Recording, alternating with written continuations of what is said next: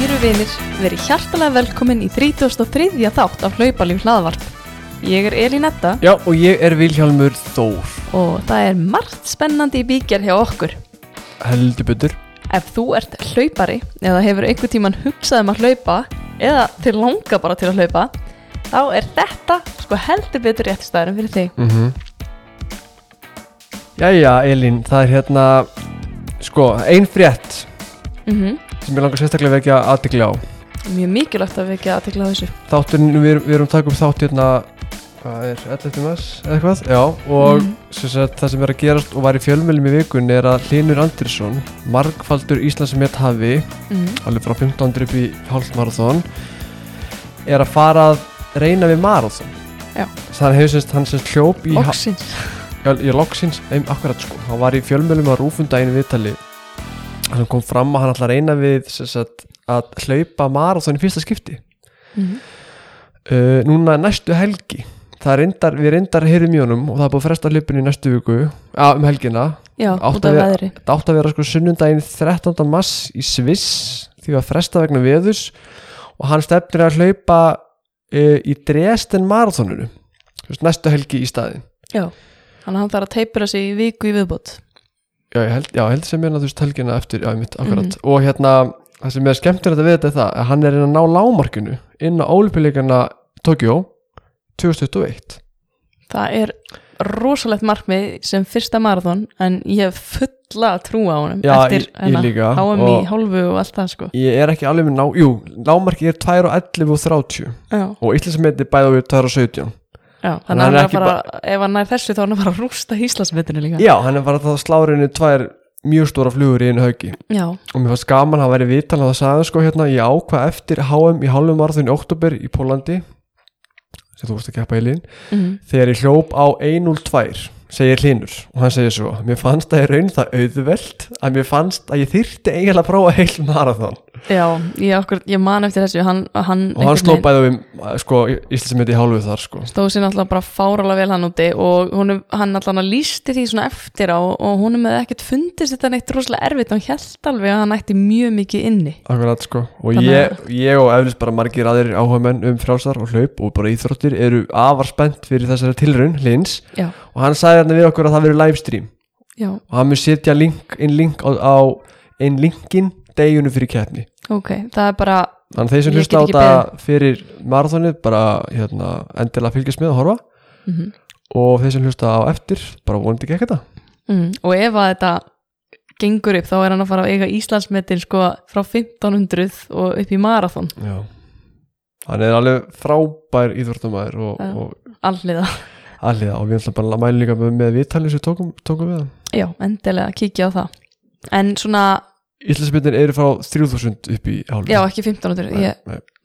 ég fannst þú segja 1500 Já, ég sagði 1500, ég Já. hérna 3000 Æja, við leirum til það hér með. En uh, mæli með, hvað mælur við með í dag? Og ég taka hana fyrsta. Já, Já, ég ætla að mæla með einu hérna, að ég, veist, ég, ég ætla að lesa bækur núna. Já, með markmið að lesa x marga bækur ári og gera ekkert annað að lesa. Mm, maður mæli með því allavega að setja sér markmið að lesa x marga bækur ári. þinga, maður þinga til að lesa og það er bara að vera alltaf skemmtilega og skemmtilega því Já, sem maður les. Allavega síðasta bók sem ég laði sem heitir Can't Hurt Me mm, eftir David Goggins. Einhver af heyrt á hennu kannski von- vona ég allavega. En mér var bent á þessa bók af öðrum hljópara og ég vissi ekki um hann gæja og ekki neitt og, og, og hérna og ég las hana og ég kláraði hana og, og, hún, er, já, hún er frábær, ja, hún er góð. Já, ég, ég, ég, ég nenni ekki ekki að segja um hvað hann er og eitthvað svona veist, að- að- að- sagði mér engin eitt um hvað hann var og bara mælt með henni ég las hana bara og ég var mjög ánað með hana. Mm, ég veit ekki um hvað hann er, ég er búin lesa hana. Já, Þeirra- og svo reyndar hef ég heyrt marga tala um að það sé mjög gaman og eiginlega meira effektífur að hlusta á henni audiobook. Af því að veist, þá er þannig að hún er sko skipt í 11 kabla það er farið við lífið hans. Mhm. hún er merkilega, mjög merkilega sögur sem aður og eftir hvert kabla er þess að það er annar aðili sem er að hérna lesa bókina, en hann ekki sjálfur mm, og eftir hvert kabla tala þeir svo tveir saman mm. mm, David Goggins og gu- eh, gæði sem er að lesa fara yfir kablan og svona hei, ok. hvað er að gera þér ég hef ekki verið að hlusta bækum mikið en það, mér finnst þetta mjög áhugavert sko. ég bara aldrei þykju audiobook alltaf bara, bara podcast og svo les ég bara bækur nei, mér finnst það ég, ég, próf, ég, ég er að prófa þetta eftir lasana mm. Mhm. þetta alveg mjög skemmtilegt sko. Já, það, var, það er svona gaman að hlusta á einstaka bækur held ég eins og Matthew McConaughey hérna, þegar hann les inn sína bók og eitthvað svona já, það er svona, þú veist, Mhm. maður vill heyra þessar rattir en hver er mælið þú með? ég mæli með að fólk prófi að kaupa sér á- kassa eða áskrift af food cup já, af því að við erum búin að vera áskriftu núna frá því hvað var ekkert maður fyrir jól, eða ekki það ekki í desember og fáum að tvekja vegna fresti. Kassa fullan af- sko, mest allt lífrænu uh, áherslu og græmyndi og þetta hvetur mann alltaf til þess að borða alveg rosalega mikið. Uh, ég var okkur að spáði hvort að, að borða mikið af þessu sko.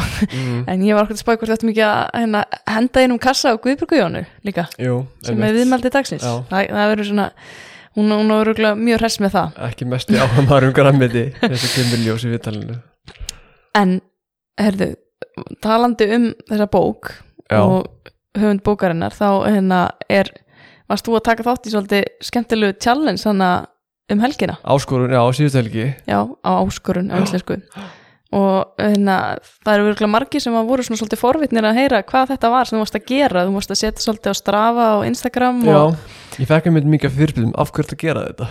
Já, what's the point? Eða, eða bara fyrir eða þú veist eða, hvort að vera partur af prógram eða eitthvað. Þetta er sem þetta heitir bara 4 times 4 times 48 já, challenge og hérna ég heyrði þetta bara fyrir svona tveimungu síðan. Það heyrði ég bara að því við hlustum mikið að Rich Roll ég og hann var að tala um þetta þar. Og, ég man eftir ég heyrði og ég hugsaði þetta er ekki fyrir mig. Nei, við tölum bara um hvað það verið viðbjörslegt sko, að gera þetta. Og þetta snýst um það að þú hleypur inn í fjóra mílur á fjóra klukkustu fresti í 48 tíma. Já. þannig að frá kláðan 8 síðasta festu dag til fjögur síðast, eftir hátíð og sunnudag hljóp ég 6,4 kilometra akkurat á fjóra klukkustu fresti í tósólarhinga já, og þú Þannig varst alltaf farin út á Þannig mínútum ég var að, ég hljóp kláðan 8 á kvöldin miðnætti, fjögur í nótt 8 um morgun, 12 á hádegi fjögur eftir hádegi 8 um Mm. kvöld í 2 sólarhenga Þannig að maður svaf kannski svona fjóra þeirra fjóra tíma, Mhm. þetta helgina. Maður náði ekkert að sofna. Og hvað, hva, hérna, vantaði þið bara eitthvað svona áskorun í lífið? Ég held það. Já, það var bara svona, þið vantaði eitthvað svona challenge. Já, Já. Ég bara, og ég var að lesa bók líka Já, það tvinnaðist margt saman og ég sendi sýsti mína senda sýsti mína, Erlu, litlu sýsti mína sem er svona smá hlaupari og er mikið crossfit bara, ertu til til að gera þetta með mér? Því að, þú veist, ég, veit að þú ert, ert, ert, ekki alveg í gýrnum í þetta núna. Mhm. Og ég, þó að þú hefði verið í gýrnum það hefur aldrei gert þetta með mér örugglega. Nei, þetta er ekki svona challenge sem að ég held að Nei, Nei, En ég þú- tek, og tek ég, send, ég sendi á Erlu sýstir hún bara, já, ég til mm, og þá var eiginlega ekki eftir snúið. Og líka, ég bara var meittur lengi og mér líði vel núna. Mm Og ennþá eftir allt þetta? Líði bara mjög vel eftir þetta. Mm og, og mér líði mjög vel, ég er að mjög skinsamur og mér vant, það er svo langt sinni ég bara, Píntið eitthvað? Já, mér vantaði bara að, mér vantaði eitthvað áskorun. Já. og ég er ekki þannig hlaupa gýri, ég get verið kepp, ég get verið keppt en ég er ekki neitt í svona mínu topp, topp, topp formi. Þó ég sé bara ágætu hlaupa formi en hérna bara, ég tengdi bara eitthvað við þetta. Og mér langaði bara ógeðslega mikið að, að fara hressilega út fyrir þægindar að mann einu helgi. Já. og, og, og geða gaman að gera þetta með erli systir, erli systir og Já. áslögu yngur hennar. Já, og fullt af fólki sem kíkti með einn og einn Þetta túr. fólki, já, já, Maggi kom og þú komst og... Já, já, þetta var mjög gaman. En, veist, já, þetta var áhugavert og Já, þú komst vel út úr þessu og þú hljóst 80 km á, á 48 tímum sem það er bara ákveðið afreg svona með að við það sem þú ert búin að vera að gera undarfæri mm og margir náttúrulega ellendis voru að gera þetta fyrir eitthvað charity og svona. Ja, Fólk var að gera þetta bæði, sko mjög margir voru að gera þetta bara til að, til, til, að testa sjálf á sig. Og það er inni heyri ég þetta í þessu viðtali. Það var aðeins sem var svona nýbjör að hlaupa eða búin að vera að hlaupa í smá tíma og vildi Mm. sjá hvort hann geti þetta og vildi svona fara út úr það endra mann. Og ég tengdi bara svolítið við það. En jú, það voru líka aðrir að gera þetta fyrir, fyrir, svona, fyrir málefni. Já. Og svo var að skemmtilega við þetta að þú sendir honum hana post gæjanum, eða ekki? Já, sem að er alltaf með hérna rollon með hérna Rich Roll. Já. Rich Joel er sem, sem bara podcast þætti í bandaríkjunum og Mhm. aðra hverju viku og hann tekur viðtal bara við bara áhverð fólk, bara ekki ósipað við erum að gera. Ekki bara tengt hlaupum bara tengt bara alls konar reyfingu og mataræði og öllu. Og hann tekur viðtal við blaðamann sem heitir Adam Adam Skónleik eða ekki eða eitthvað? Eitthvað svo og, þeir, e, og ég sendi þeim skilabóð og fór að spurja út í hvort ég vildi ekki tala um þessa áskoru næst eitthvað meira því ég vissi svo lítið um þetta og eitthvað. Og þeir fóru að ræða þetta. Fór að tala um einhvern Íslending sem hefði já, þeim. tala um einhver og Íslandingi ætla einhver að gæja, gæja að gera þetta á Íslandi? Já, við- já, auðvitað Mér varst það magnaðið, af því að þú Já. veist hversu marga pústa eru þeir að fá og hérna, hann er með rosalegt follow, um, að followers og Já. hann skulle ræða bústið frá þér í þættinum var mjög gaman. Ég, Íslandingi, sko, svo svaraði mér sko. Já, já, akkurat. Sendi mér skilabóð og spyrir hvernig ég gekk og eitthvað sko. Það er í nóvarið tról og ef ekki einbyrða okkur á Guðbjörgu Jónu Jú, sko, í þætti dagsins þá fengum við þessa kornungu hlaupastjórnu já, Guðbjörgu Jónu. Uh, hún er bara einn efnilegasti frjálsýðarðamaður okkar Íslendinga í dag. Já, efnilegst og best held ég bara. Já, og það vita kannski ekki allir en Guðbjörg er ekki bara markvaldur Íslandsmeðtafi og boðberið frjáls íþróttarinnar hér á landi heldur er hún líka heimsmeðtafi við komum nánar að því í Já. viðtalinu. akkurat. En uh, hún er veitna verið bara ábyrrandi í fjölmiðlum að undanförnu og hún er bara svona svolítið að standa fyrir uh, málstað frjálsýðrita fólks hér á landi og ég held að sé bara komin tími til þess að koma Guðbjörgu Jónu að. Já. hér kemur Guðbjörg Jóna. Jæja, loksins erum við komið með sprettleipara í hlaupalí hlaðvarp. Það er, rétt. Já, það er komið tími til. Ég, við segjum alltaf ef þú ert eitthvað ef þú ert götturlaupari, langlaupari, sprettlaupari þá ert þú sko á réttum stað það er kynning, kynningin hættur sko. Svo ég er alltaf bara Svo eitthvað, ok, nei það hefur ekki sprettli verið komið. Já. eða, það er nokkuð. Nei, við erum, við erum ef, þú veist, við tókum bara viðtal við hlinn og hann, er sko svona í styrstu vegalengdum á þeim sem við erum búin að já, tala við já, held ég. já, það áttu komin í milli við og hann er samt komin í marathóni núna Já, þannig að einmitt, við erum akkurat. alls ekki góðið þessum. Við erum, en hérna Guðbjörg Jóna verður hjartalega velkomin til okkar. Já, takk fyrir að fá mig. Það er bara mikill heiður og við erum mjög spennt að fara aðeins yfir bara hver þú ert og kynna þig fyrir viðmælundum okkar og, og mikilvægum málefnum sem að eru svona á dagskrá í samfélaginu núna Jöp. en, en að bara áður en við förum út í það ef ekki bara eins og svona heyra hver þú ert og hva, hvað ertu gömul og hvaðan kemur Já, ég er sem sagt fætt á uppalinn hérna á Íslandi Mhm. og hérna ég er fætt 24. desember 2001 Nei. Þannig, jú, þannig ég er jólabatt sko. Það er mitt segja það margir? Já, þegar margir segja það mitt þegar ég segi hvernig ég fætt alltaf. Já, jólabatt og ég fæ bæði ammalis og jólagjöf. Þú veist, ég ætla að taka það fram. Vá, ég vissi það ekki. Já, þannig að hérna, já, ammalis með mitt mjög seint á árinu. Já, en hérna, já, og ég mamma mín er fætt uppalinn í sveit í hrútafyrið, hann er líka svona sveitaginn í mér. Og ég heyraði mitt þegar hérna næði svona árangri, þá var alltaf einhverju svona úr sveitinni hérna nálat þar sem mamma var, Já. hérna sem senda mér alltaf skilabá, já, þetta er hérna sveitaginnin og og hérna, já, þannig að ég mitt fór oft bara þegar við vorum yngri við sískininn og fjölskyldan í hérna sveitina og ég mitt vorkin oft fólki sem hafa ekki farið í sveit. Mér finnst það alveg aðeinslegt að fara í sveit eins og réttir og eitthvað og já, bara sveita bæ í Já, já. einmitt, hann að mér finnst það mjög gaman. En ég er mjög klíkett sko, þannig að þegar söðbyrju þá tek ég engar þátt í honum. Þú veist það horfi ég bara. Mm, þannig ég hef reynd að taka á móti lambi en ég bara skildi eftir. Ég, þú veist, gati ekki, ég kalla bara frænkumuna en En varst í sveið sem krakki eða fórstu bara svona við og við? já, bara alltaf um helgar. Já, ok. Og hérna- Alltaf um helgar já, alltaf um helgar, mitt stundum bara þá varum ekkert svona mikið í frjálsunum og eitthvað þá fór maður alveg bara yfir sumar alveg svolítið lengi. Og hérna, en við hættum að fara svona í sveitina bara eftir að amma dó, það var svona tvö ár síðan þannig að það er langt síðan ég fór síðast.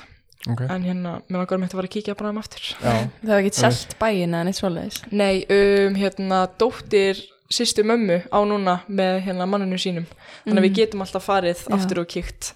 Þannig að það er mjög hérna gott að hafa þann valkost. Já, en ég sem sagt, já, ég bý með mömmu minni, pappa og hérna þreymur sískinum, eða fjórum, hérna bróður minn og unnsta hans er að leia henni í kjallaranum og Ok. síðan eru við hérna sex bara uppi þannig að það er alltaf nóg að gera heima þú ert svona þrjú sískinni. Ég er fjögur sískinni Fjögur sí- já, þið eruð fimm? Já, við erum Já. fimm þannig að, Ok, ok.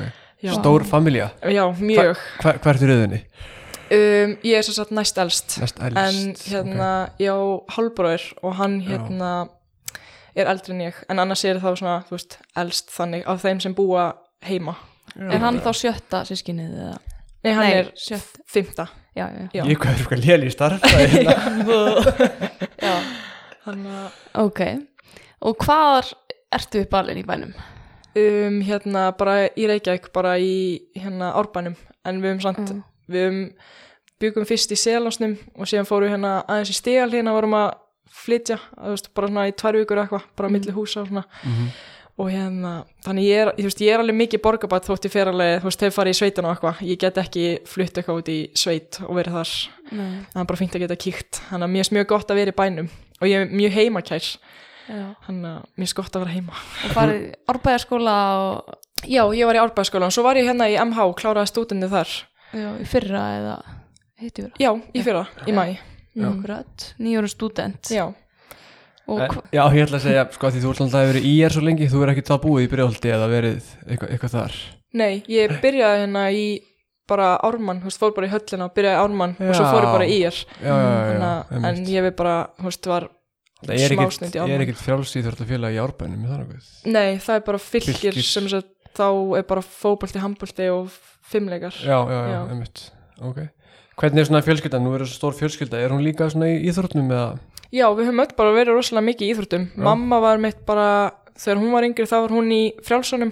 Ok, og hérna, þú veist, það var náttúrulega bara eitthvað að vera að hlaupa möl og eitthvað þannig, þú veist, já, já, hún náttúrulega bara, hérna, það er gummul Já. og hérna, og sem var pappi í fótboltan, hann hætti snemma og hann svona hann íþróttum já, og sem sagt, yngsta sýsti mín, hún er í handbolta mm, og svo eru hinn tvö í fótbolta ok, og elstur bróður minn, hann er ekkit í svona íþróttum en Nei. hann hefur bara mjög mikið að fara út að skokka og svona ok. Þannig að þú ert svona eina af sískinum, ertu eina í frjálsum, en mamma en hefur þá, var þá eitthvað í frjálsum hérna í já, gömlu góðu. já, en svo Já. eru yngri tvö, þau hérna prófu eitthvað hans frjálsa en svona fílaði ekki alveg Já, þannig þau fóru bara í fótboltan mm. ok, ok. En hafa þau fjölskyldaðin eitthvað náð svona árangri í íþróttum eins og þú? Hvaðan kemur þetta eiginlega?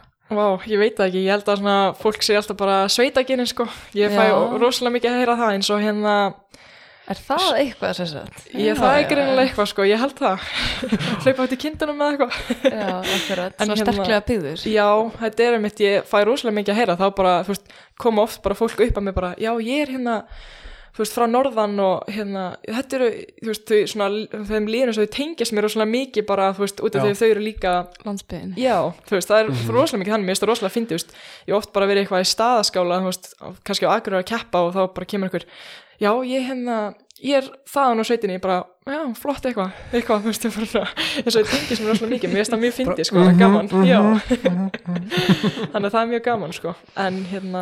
er er ég veit ekki alveg hvaðan þetta kemur, sko, en ég held að við sem öll bara með rosalega mikið svona skapi að, þú veist, þurfa alltaf að vera best í öllu, Já. þú Já. veist, og hérna, keppnisskap. já, mjög mikið keppniskap, sko Já, og hérna og þú veist, þurfa bara alltaf að gera okkar besta þú veist, við höfum bara verið alin þannig, al, alin þannig upp að við Já. þurfum, þú veist, bara gera okkar besta og þú veist það virkar bara svolítið mikið þannig já.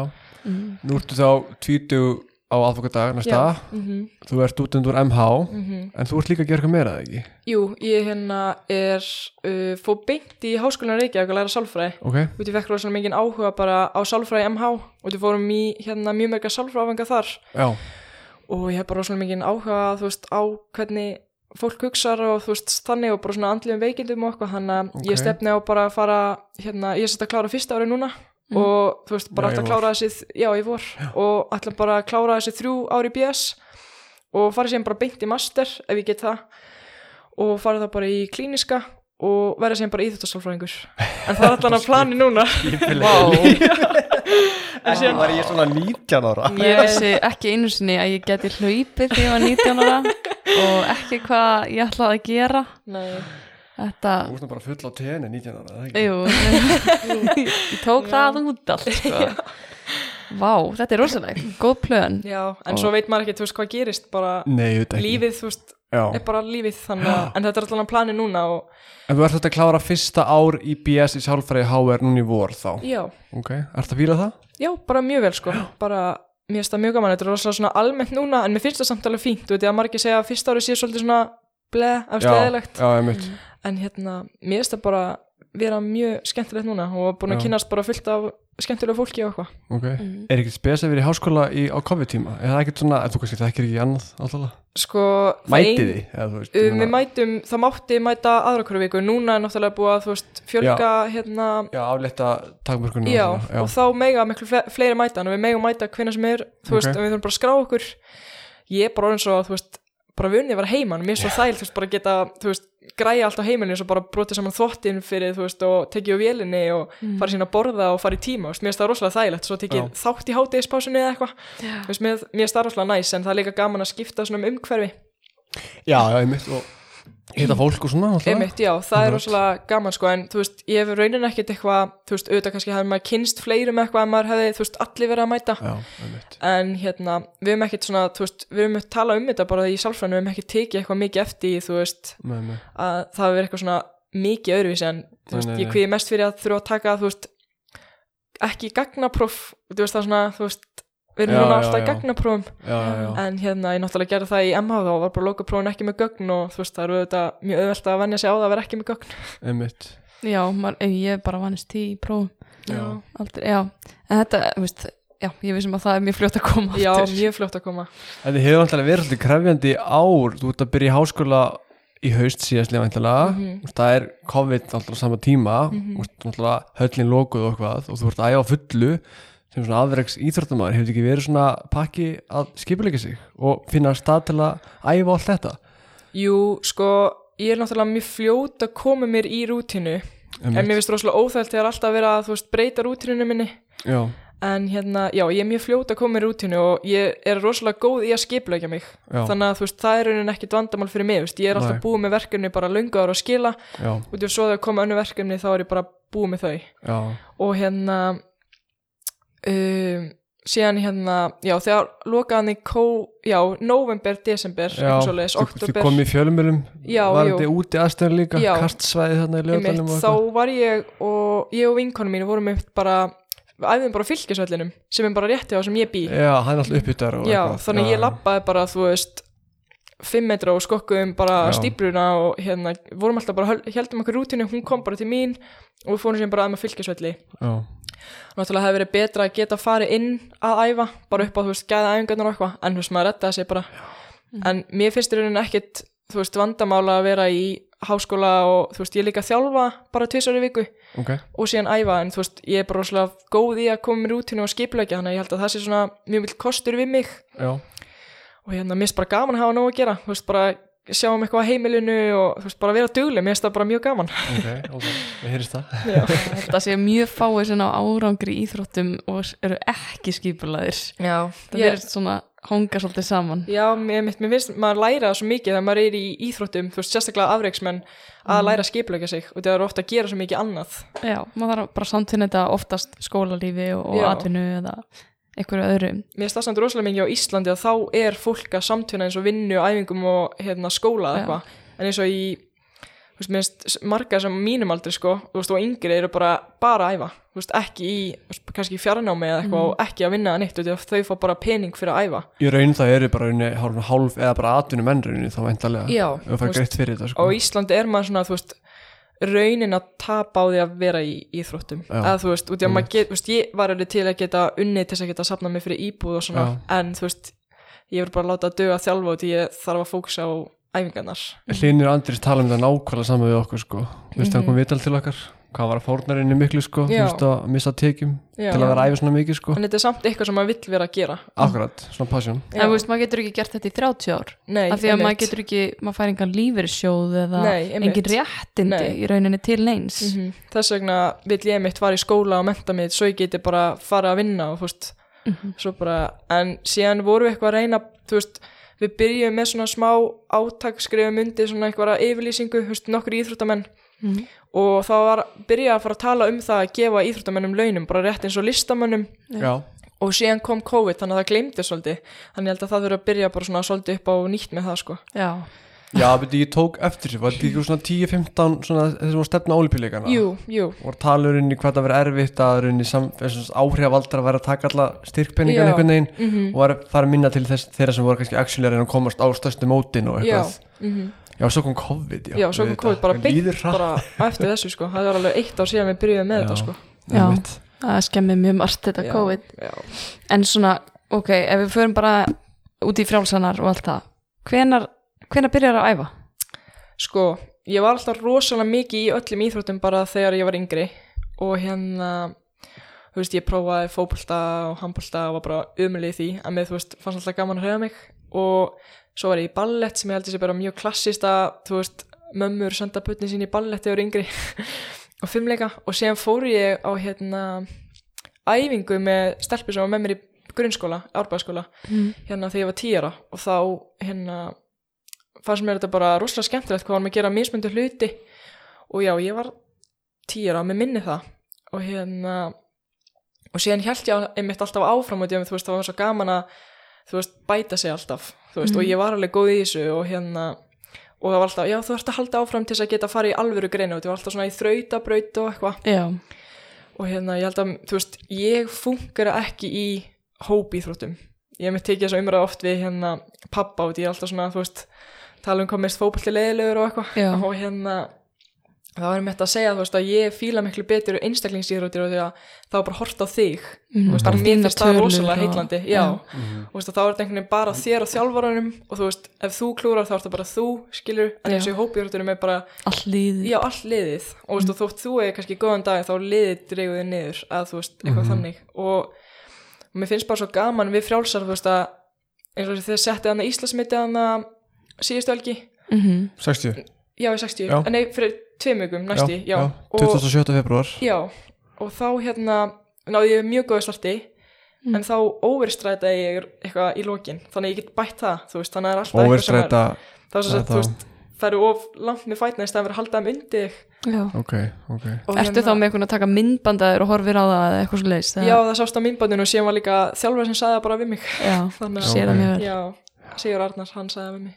Ok, vel Þannig að- spottað á 6 Vel- sekundum Já, ágrís Hann sagði mitt bara við mig eftir leitin 6 sekundum 7.46 Nei, bara svona, þú veist Elin ekki alveg horfir á okkur sekundu brot sem að í lokin sko Já. Já, já. En það er mitt, þú veist, það er mér svo gaman við frjálsar, þú veist, að þá getur alltaf bætt einmitt. þegar ég var það veist, startið mitt ekki gott, bara það var alveg hryllilegt og það getið, þú veist, þá var ég samt bara hljóp mjög hratt, bætt Mhm. mm -hmm. þannig að það er alltaf eitthvað sem maður getur bætt já. Og mér finnst það bara, þú veist, æðislegt. Þú veist, pældi ég bara að hlaupa eitt besta og bara þú getur ekki bætt neitt. Eða, þú veist, það væri bara hrikalegt. Eða maður sjá, þú veist, er bara ekki með nógu góðan þjálfara til þess að segja manni það eða já, hefur ekki einhvern veginn, getur ekki gaggrínt sjálfan sig til þess að, nógu mikið til þess að fara að bæta sig. Já, ég held um eitt sko, þú veist, þjálfarar ég held að það sé svona, þú veist manneskjan sem hefur mesta trú á þér, Mhm. þú veist, mér finnst það út í hann þarf að hafa trú á sjálfum sér og því sem hann er að gera og verkefninu, þú veist. Mhm. Og ég held, þú veist, eins og skilur fóldrar þeir sem eru svona nánir þeir hafa alltaf trú út í þeir svona, þú veist, þurfa þess eiginlega, út í þeir eru bara svona elskaði og eitthvað, Mhm. mér finnst bara svona þjálfari, þú veist hann hefur bara trúaðar út af því að, þú veist, hann vill virkilega þjálfa þig, Mhm. þú veist, að þú ert komin á það level, mér, ég er allan á þeirri skoðun og, þú veist, ég er bara búin að vera mjög, mjög gott þjálfarteimi hérna á Íslandi Mhm. og það virkar bara en þú veist, hérna svo auðvitað bara vill, vill, maður kannski prófa að fara eitthvað út og fá svona, veist, nýja sín eða eitthvað, Mhm. bara svona nýtt Einmitt, álit og það akkurat. skiptir oft málu út í að þjálfarnan kannski sér bara það sem hann sér Mhm. og er búin að gera það í mörg ár og þá er gott þetta að fá svona, veist, annað álit Ertu eitthvað leiðin út? Ertu eitthvað, eitthvað að vera í því? Bara Nei, í skóla skiptina með eitthvað nei, náttúrulega sko á styrk þú veist, út af ég þá náttúrulega bara þú veist, ég var alveg til að geta bara farið í skiptina bara út af skólanum og eitthvað Mhm, svona en mhm. ég þarf bara að hugsa út frá frjálsunum og það er svona megin skilur Númer svona, uno, já, já, já. númer uno sko. þannig að Einmitt. þú veist, það er svolítið svona þú veist, sem hindra mann að gera oft svona einhverja hluti, þú veist en þannig að ég verð bara þú veist, ég vil alltaf fókusa á frjálsuna, ef ég gæti farið út í nám og samtuna frjálsuna með þú veist, fyndu gáðan þjálfara og eitthvað þá myndi ég þetta fara út. Einmitt, en ég held að það verður líka bara að koma svolítið í ljós. Mhm. einmitt. En núna hefur verið, maður sko opnar ekki morgublaði eða íþróttufréttinum að sjá þig í fjölmjölum slá einhver met eða eitthvað tala um hennar höllin og annað? Þú verið mjög lengi að og mjög lengi góð, öflug. En veist, okkur langar að spyrja uppgötaði einhver? Eða eða, meina, var eitthvað sem spottaði að þú væri mjög efnileg í þessu? Og svona kvartið áfram í, í frjálsum? Sko, eða kannski kom þetta bara með vinnu? Já, ég held að veist, ég var alltaf rosalega góð bara í eins og öllum greinum, veist, maður byrjar alltaf bara í öllu í frjálsunum, þú veist, maður byrjar sérstaklega ungur. Já, Þú veist bara góð í öllu bara já, eiginlega, og- já, bara langstöki og hástöki og, en Mm. nema kúlu. Og ég var rosalega svona, mjór krakki þú veist, Já, það var ekkert já. svona styrkur þannig sem í mér og ég mitt, hérna, fekk bara að heyra mjög oft hvað ég verið mjó, þú veist, það bara sést á myndum og svona. Mm. og hérna, já ég er bara mjög góð í öllu, ég ætla, þú veist ég, þó ég segi sjálf frá, en þú veist Já, þá hérna, já, já, bara. og síðan 2016 þá hérna fór ég á Gautaborgarleikana sem margir svona, þú veist, ungi krakkar fara á.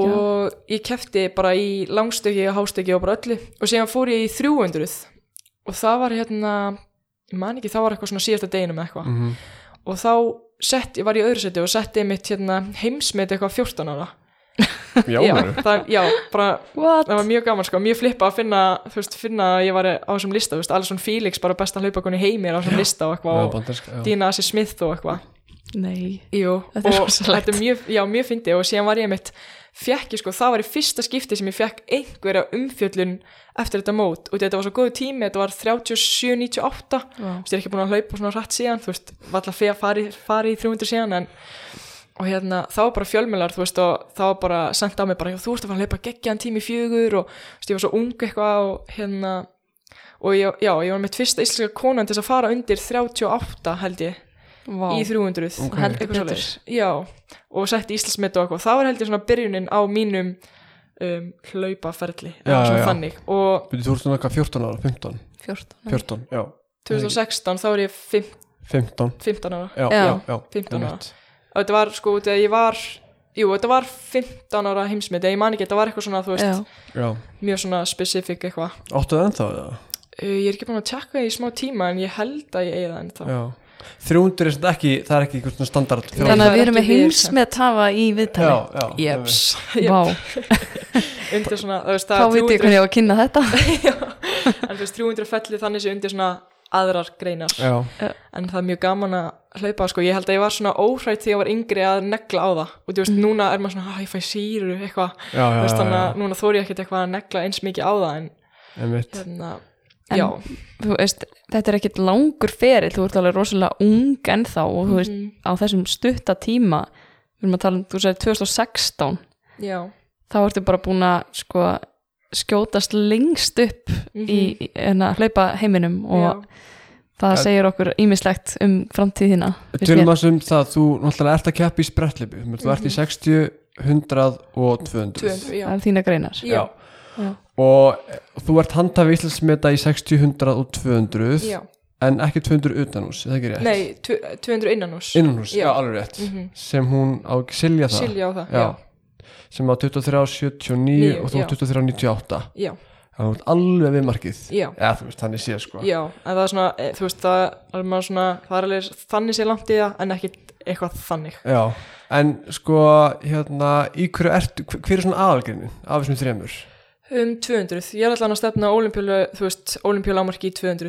Í En, 200? já, en sko lámarki er alveg frekar gott, en með hvað ég er ung þá er ég ekkert eitthvað það langt frá því, Já, en ég er meira sko fókus á stigalistan og ég var með að tjekka um daginn á stigalistan og var að Mhm. meða við þrjá, þú veist, það er náttúrulega með bara þrýfa hverja landi keppa og þá er ég bara 19 sætum frá og ég eftir að keppa sér satt á MI inni og MI úti sem gildi alveg bara til mjög mikla stiga þannig að já, já, já, já, einmitt, ok, þannig er ok. mjög líklegt að ég komi sko, þannig að núna er ég svona mjög spennt að æfa og keppa. Já, Þú veist, trúi. sá þetta, þú veist, þá var maður bara svona, Já. vá, ok. Og líka, þú veist, það var svo gaman þegar þau settu mig inn á olimpíulistan eða svona, svo, svo líklegt sem komast til olimpíuleikana það er einhvern veginn gaman er svona, vá, það hafa aðrir trú á mér, að, veist, að þessu verkefni að ég, þú veist, muni kannski ná inn á olimpíuleikana En er, er útskriðið aðeins að því við ætlum einmitt að spyrja út í þetta með svona þrjá Já. er, það þá að því gefnu að fólk náðu ekki lámarkstímanum með það? Fara kostum, er enginn er lámarkstíma getur samt sendt þrjá Nei, sko, þú veist, með við sko þrjá, það er eiginlega bara með við, þú veist, eins og Bretland, Jamaica og Bandareikin, þú veist, þessu lönd sem, þú veist, og Já. Þískland sem geta sendt bara, Miljón skriljón manns, já, skilur, þú veist. Þetta er bara hámarkið þrý já, þú veist, ef ég myndi vera, þú veist, bara unlimited, skilur, setja bara, þú veist, skiptir ekki máli hversu margir, svona, þú veist, þá væri ég bara í, þú veist, hundraðstakka sæti, já, þú veist, já, en út af því að, þú veist, svo mega þau ekki senda bara nema þrjá, Já. út í annars myndi ég bara eiga alla olimpíuleikana, þú veist, það væri engin annars sem kæmi stað. annars myndi bara allir vera? Er ég er bara með alla greinar Jú, ég bara held það sko. Annars það, veist, það er bara þrýr sem fara frá Kenya og þrýr frá En það gæti rauninni 100 bestu væri allir frá Kenya já, já, bara, alveg definitely sko. heimslistin er náttúrulega bara fyrstu 2000 eru bara frá Afríku eða Já. Já, eitthvað. já, já, allan í marathóni Mhm. Þannig að þú ert að reyna Já. að fá þessi samt þessi stigum og þessi mót sem þú nefna tel, telja stert til þessi stiga og þú ert svo 19 sætum frá því að komast. Mm ok, ok, sem er bara mjög gott já. Þannig að þú sérð hvar þú ert miða við að þeir sé að fara að senda þrjá, þrjá, þrjá. Þá sérðu já, ég er 19 sendur frá því. Já, já, frá því, Já. sem sagt, út í að komast 56 að þessum lista og ég er, þú veist, 75 eða eitthvað, eða svona, Mm. Og hérna og síðan var mitt uh, Óðinn, hann var að segja, þú veist, að það, þú veist, þeir sem eru kannski á þessum lista eru kannski ekki endilega í topp 3 á bandaríska mistramótinu, já, þú veist, þannig að ná kannski ekki inn. Nei, einmitt, Já. þannig að þú veist, þá myndi ég kannski hækka aðeins meira þar, og mm. þau náttúrulega mistrabótin hjá þessum löndum ganga út á að, þú veist, mm. bara, já, bara þessi þrýr komast. Það er líka, ég, ég- held í bandaríkunu er svona bara, bara trials. Bara Olympic pre- pre-trials eitthvað. og líka fyrir HM, sko. Já, fyrir háum líka. Já, þannig að þú veist að það er bara mjög stórt fyrir þeim að keppa á bandaríska mistramótinu og Já. ég mitt líka hjá, þú veist, Jamaica og eitthvað. En svona Óðinn er svona yfir þjálfari í er Já, yfirþjálfari og liftingaþjálfari mín Já. og hann er allir búin vita að það ekki. Já, Já. einmitt, já, en hann er búin að vera líka með mér núna hérna í sprettlibunum og Já. Bara, þú veist, út í að Brynjar er ekki búin að að keppa? Já, að keppa, hann er mitt rústa mér hérna. Já, en nei, hann er mitt búin að vera með mér og hann aðeins einar líka sprettlistjálfari já, bara út í að Brynjar er ekki búin að geta mætt þannig að, en þetta er bara búið að virka mjög vel sko. Já, ef fólk myndir sko vita hvernig Óðinn lítur út þá myndir að hlæja því að segja sko keppist sprettutum, hann er, hann er hann samt, þú kúluvarpskongurinn veist, sko. Kastararnir, þau geta alveg, þú veist, verið hraður en ég í, þú veist, 30 metrum og þau þurfum svo mikið sprengikraft. Já, já, þú veist, ekki upp á blokk en þú veist, Nei. kannski standandi. Já, sem er staðið mitt mjög fyndið, sko. Ef þau tókna ekki þar að segja en.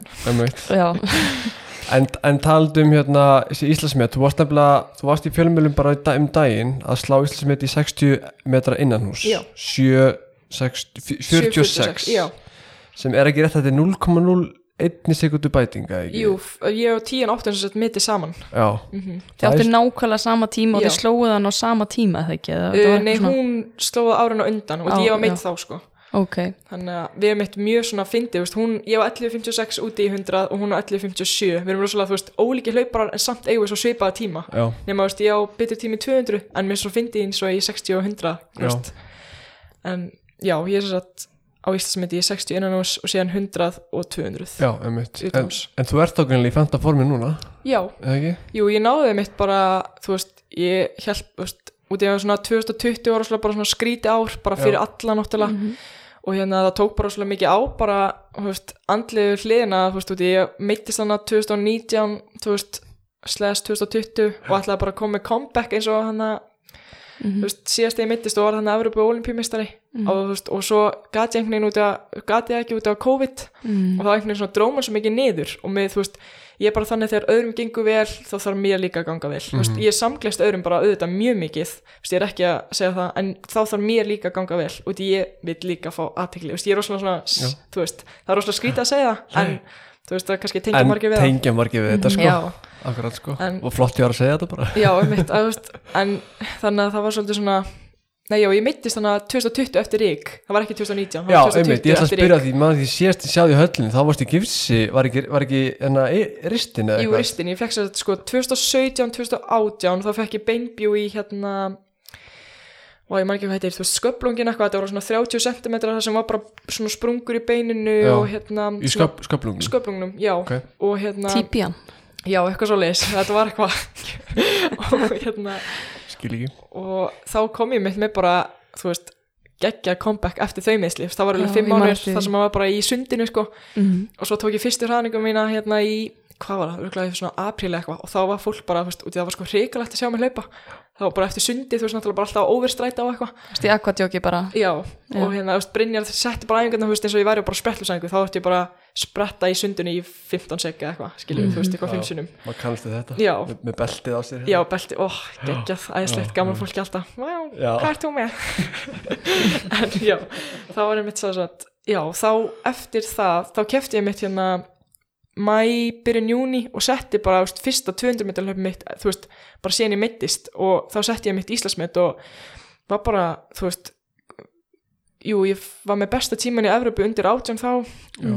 og þú veist, ég gerði mér ekki grein fyrir hvað þetta var góðu tími Mhm. og þú veist, ég var einhvern veginn búin að vera meitt og var bara eitthvað í flippun að keppa, skilu, þú veist, það var fyrsta landslýsferði mín bara, þú veist svona ekki, þú veist, ekki fyrsta heldur svona önnur að hérna, fara á svona smáþjóðamistarmóti eitthvað svona. Já, og hérna og Sigur Arnar þjálfari hjá hérna Söðakróki og hann bara gerir grein fyrir hvað þetta er góðu tími? Og ég bara eitthvað nei, eitthvað, þú veist bara, þú ert yngst þess að hlaupa svona rætt í 200 eitthvað og já, veist, þetta var bara rosalega svona, þú veist, góðu tími og þú veist, Já. það er svona að fyndi hvað maður gerir svo ekki oft grein fyrir hvað þetta er góður árangur fyrir svona eftir á. Nei. og já, og síðan kefti ég hann í Þískalandi eftir það og hérna gekk að þjóa reyndra 100 þannig að það var ekkert 100 þá. Ég þjóaði hundri ég er svona frjálst í þetta tók Nei, sko, ég, ég jinxaði það sko. Ég Já. og hérna Æ. Þórdís og vorum að tala um þetta hvort við höfum þjóa í eitthvað, nei ég hef aldrei þjóa svo fyrsta sem ég geri þegar ég lappa út af brautina er að þjófa. Alveg. það bara, ah, það var svo þægilegt sko. Og Já. það var mitt, svo fór ég á EM hana nokkrum vikum eftir það og þá var startið mitt í 100 svo hægt að ég var svo hættum að þjófa. Já, já, og síðan vann ég mitt hana e, mjög óvænt í 100 hana á EM. Eins og kannski sérst á viðbröðum mínum sem ég var hágrátandi hana og það var bara þú veist, ég var svo ánað að komast í úslit og þetta var svona miklu svona tilfinningar bara eftir fimm mánuða meðsli fólk búið að segja að ég var í svona, þú veist, bara búinn bara eftir að ég sá mig hlaupa þarna. Mm. það var alveg svona þjálfari sem maður þekkir bara. Já, og hérna og þú veist, það var svona maður vildi sína þeim bara hvað maður gæti. Og veist, maður, ég var bara skælbrósandi uppbytun og hérna meðan aðra stelpur út í það var, þú veist, úði, úti, bara svona þú veist, við í Íslandi erum vön að keppa í, þú veist, liggum við snjókomi á Íslandi, Já, þannig að, já, mér var alveg sama, það var bara svona geggjur stemming einhvern veginn og, já, vannum mitt 100, þriðasæti í 200 og kefti síðan hann í oktober bara mjög seint, það var alveg þrjár vikur sem við fórum hann á olimpíuleiku æskunar já, bara besta upplifun lífs míns að fara þangað, þú veist, ég held að besta á mómenti var svona Evrópumistari, en þetta var svona besta upplifun að vera svona lengi, þú veist, þetta leið bara eins og svona, Já. þú veist, tveir dagar Eh, var þetta ekki Argentínu? Jú, Argentínu, Já, já, það var mitt bara styrli umgjörð, það var bara olimpíu þorp, þú veist, maður Mhm. mm aldrei farið svona áður þannig ég held að þessi svona góður undirbúningur fyrir olimpíuleikana já, og andlegur um Þetta er bara Já. svona olimpíuleikar bara Já, fyrir rauninni bara ungmenni Já, sem maður þurfti alveg að gangi gegnum svona hlið bara, þú veist, vopnaleit og Já. setja töskuna frá sér og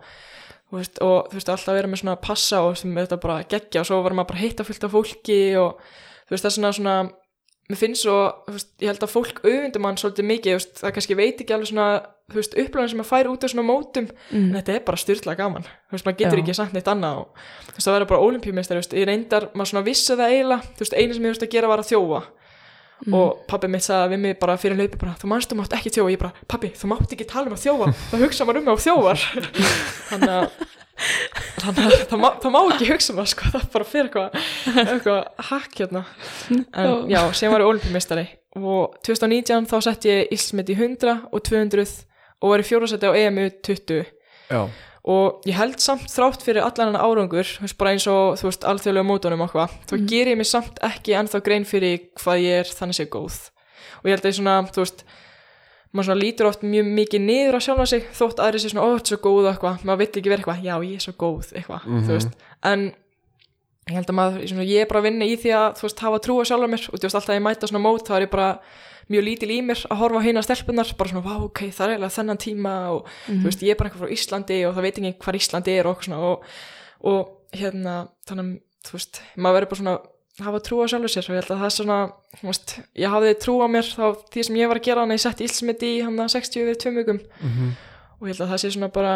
setti Ílsmeti í hann 60 við tveim vikum og ég held að það sé svona bara næst ég var að keppa svo langt síðan maður keppti í útlundum að Já. bara, þú veist, muna að bara hafa trú á sér og ekki horfa á hvað hinn er að gera. Já, þannig að maður gleymi því oft. En þú er með mikla reynsla að keppa úti í útlundum Þú veist að tel- tellið upp fyrir okkur Olífíuleikarnir, Eskunar, Evrópumót, annað. Mm -hmm. Það var EM um daginn innan hús Já, Man ekki alveg hvar? Jú, ég. Jú, ég hérna fekk að fara þessi vælkart og ég náði ekki í lámarki Já, og hérna, en ég ákvað bara að taka þú veist, bara mjög erfið ákvörun að sleppa EM. Já, þátt verður að gegja að fá reynsluna og fara á EM bara hafa sagt frá, þú veist, þetta er bara stærsta móti sem að fyrir á, þú veist, bara hjá mér núna, en Já. þú veist, náttúrulega ólipílinganir en og til þess að keppa í 200 núna á já, og þetta er náttúrulega, ég hefði ennþá verið sótkví þú veist, ég hefði mist af lögadeinum 60 og ég hefði öruglega kannski mist af 200 á sundeinum og það er svo leiðilegt að missa af stegum fyrir ólimpíuleika já, þú veist, og maður verður bara að hafa trú á þessu starra verkefni. Þú veist, ólimpíuleika er bara miklu starra en EM.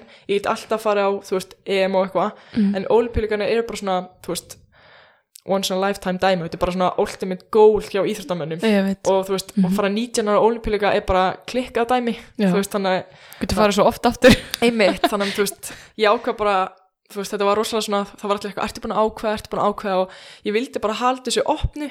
En eins og þú veist, það var ekkert búið að ákveða með fluga neitt sem er rosalega óþælt, þú veist, þá get ég alltaf bara að vera lendi í, þú veist, gær og þá tekur sótkvíðin ekki gildi fyrir bara í dag. Það er líka svo veist, er erfitt að ferðast núna Já, og það tekur svo mikið toll fyrir íþróttamenn að vera í þessum- með þessu grímur og millilenda og og testi náttúrulega Já, Þú- er- þú fórstu pólans að keppa mitt Já, ég, við fórum alltaf hana í oktober og það Já. var rosalegt ferli, bara Mhm. heill sólaringur í ferðalögu, við lendum Mhm. á óheppilum tíma, fengum engan svefn og já það hefur rosalega áhrif Mhm. mm. þegar maður lendir í svona. og líka maður missir svo mikið úr æfingum, veist, ég hef mist Mhm. tíu dagar úr æfingum sem ég get nýtt bara til að gera vel, veist, fyrir emmi En, og þú veist, sama átt ég hleypa ekkert góðan tíma emmi, þá er það samt góð stig fyrir olimpíuleika, Mhm. þannig að en ég er að hugsa sko, bara svo hlustendunur skilja alveg, það er ekkit allir sem vita hvernig þetta virkar með olimpíuleikana að, að þú ert að samla stigum, af því Já. það er bæði hægt að komast inn á stigum og lámörkum og það ekki? vælkart Og vælkart, Já. já. Þetta eru þessi þrjára leiðir til að komast inn. mm -hmm. En þið finnst langt líklegast að þú komast inn á stigum, er það ekki? Jú, út af því ég er alveg, þú veist, svona 50-60 brotum, þú veist, sek sekundu brotum frá olimpíulámarkinu Mm. og þú veist, maður getur alveg sagt við bara einhvern sem er að út götu bara, þú veist, ég er 50 brotum, sekundu brotum frá olimpíulámarkinu, þau voru bara, vá, geggja. Já, en þú veist, þeir sem eru í frjálsum og þekkja þetta, þú veist, vita hvað þetta er þetta er alveg Stórt, mikið, já. þú veist og maður er ekkert að bæta sér þessu bara eitt laup og maður þarf að hitta á bara geggjar aðstæður þú veist, Mhm. góða keppni sem er ekkert endilega, þú veist, eitthvað hægt alltaf. Mhm. þannig að maður þarf kannski að yfirfæra þessi brot yfir á, þú veist, ef maður myndi margfaldast 60 metrana eða 200 metrana með marathon tíma vegalengdinni þá getur maður kannski sett þetta yfir í mínútur eða já, eitthvað svoleiðis og af því það er svo erfitt að skilja þessi sekundu brot. Mér finnst til dæmis ótrúlegt að vera að æfa fyrir svona greina eins og þú ert að æfa fyrir Mhm. af því að, að þetta er svo þú veist, þú ert að leggja svo ógeðslega mikla vinnu í það að bæta þig kannski, kannski um sekundubrot. Já. og svo er maður samt svo sáttu með það, þú veist. Já, og það er bara, bara best. Já, veist, þetta er svo, þetta er svo stutt laup þú veist, með við hvað maður leggur mikla vinnu í þetta. Mm. og, veist, og maður getur ekki sagt við einhvern sem æfir ekki íþrótti hvað maður leggur mikið í þetta og þau myndi ekki skilja. Þú veist, það er, það er hægt. Þú en þú veist, það er mitt þessi, þú veist, þau breyttu þarna fyrirkomuleginu komast á olimpíuleikana Mm. og það hendar Íslendingum bara fáralega vel. Þú veist, þessi veist að, já, ok. bara mjög vel, þú veist, þessu emmi það gildi til jafn mikla stiga og bandarinska mistramóti Já, ok. Já, það er nefnilega málið, það er það sem maður kannski held að fólk viti heldur ekki að ástæðan fyrir að ákveður að vera heima og keppa á Mhm. meistaramóti í Íslands er að það gefur þér auka stig, ekki Já, satt, ef jú. þú vinnur það 100 bónustig, þú veist, upp á tíman skilur og út í er í A stigaflokki, mistramótin er eitthvað svona, það fyrir Mhm. bara stigaflokkum og hérna, þú veist, þannig en síðan náttúrulega eina sko, þetta veðri á Íslandi er ekki að besta, þannig að því að keppi úti eins og emmi, þá kannski þau á bandarinska eða franska mistramótinu eru bara í sól og blíðu, á menn ég kannski í, Já. þú veist, vind einhverju, og, já, þannig en þú veist, ég fæ sko plústig ef það er mótundur og þú veist, þau fá þá mínustig ef það er meðvindur hjá þeim. Já, En skiptir tími máli? Já, tíminn, þess að það þú veist, skiptir ekki máli bara að sigra? Nei, út í þá farið sko, þú veist, ef þú sigrar þá farið þessi 100 bónustig eða hvernig sem þetta virkar en það, það er sett á tímanin, tímaðin, þú veist frá þessum IAAF stigum, skilur þú veist, eins og ef ég hleyp á 23 ára eitthvað fæ ég kannski 1089 þú veist, Já, og þá kannski bætist það ón á þetta. Já, já, og svo bara svona, þá mega tvö innumót gilda og þrjú útumót já. Já, ok. Þannig og þú náttúrulega mátt ekki standa því illa á einu móti þá dreifur það niður, eða það ekki rétt? Um, já, en síðan kannski get ég keft á einhverju móti sem, þú veist, er betra en það kannski fæ ég Já. ekki endilega eins mörg stig fyrir það, þú veist, og ég hefði kannski fengið fyrir hitt. Þannig að þú veist, það var einmitt svona það er svolítið stress, sko. Já, líka ná öllum mótunum á Einmitt. innan tímarámans hvenar er tímaráminn búin eiginlega? Vá, hann er búin mjög snemma, sko, eins og EM U23 hjá mér sem er svona, þú veist, aðalmóti á mér núna í sumar, það gildir einmitt ekki, þú veist, út í að Ólympju hérna nefndin bara stytti held ég aðeins tíman, það var opnað í desember náttúrulega bara loka öll út af COVID. Mm. opnar í desember og lokar bara hvað meðan júni eða eitthvað, emmi fitta bara akkurat bara helgina áður en hann lokar. Mm. En mjög heima sinast já, emmi bara utan hús Utan hús En já, ok, þeir eru ekkert ákveð að hafa EM undir 23 bara í fyrir part júni af því að það er mjög mörgir að reyna við. Já, nei, ég veit ekki hvort að fólk endilega fattar að hugsa um hennar stigalista. Nei, ég skil, Ég held ekki, sko, eins og þú veist þess að allar bestu eru bara fólks á lágmörkin, sko. Um mitt og hérna, síðan er bara þessi ullingar þau eru bara í bandarækjunum í háskólanámi og þau mega ekki keppa á svona mótum þú veist, þannig, skilur, þau mega ekki koma heim á sitt mistramót, Ok, þú veist út í að það kannski hendar ekki fyrir skólan eða eitthvað. Já, en, og kannski eru sem er rosalega þreytti bara út af tímabilið þeirra er bara að byrja núna og endar í mæ þannig að þau eru bara endar þessu harki bara, Já. svo komum við oft þreytt heim bara og er eitthvað að reyna að keppa. Mm, Já, og hérna, ég veit ekki hvort það séu margir einmitt svona ungir að fókusa á olimpíuleikana þú veist, nema að séu bara einhverju svona elít bara dæmi, sko. Mhm, þú veist, ég held að svona margir sem, þú veist, eins og ég er að tala við bara, þú veist, vini mína sem ég bara kynst frá svona ferðum og þau eru bara, já, þú veist, ég ætla bara að fara eftir, þú veist, núna þrjú ári eða, þú veist, já, næst í LA, þú veist, 2028, þú veist, þannig að fólk er bara meira að fókusa á það, mm, svona vera eldri. 2008 LA, ok, er það þar Já, og síðan Ok. okay. Paris 2004. Já, já, já, einmitt já, En hérna, mér langar að spyrja út í lámastímin í 200 Mástu hvað hann er? Já, hann er 22, 9 eða 8 eða eitthvað og ég á Ok. 23 ára 45. Já, ok En ég er samt ekki búin að hlaupa það síðan, þú veist, með 2019 2019 hann á í aldursflokka sem var bara í, þú veist, júni eða eitthvað. Heldur Svona að bara- ég sens að taka það? eða?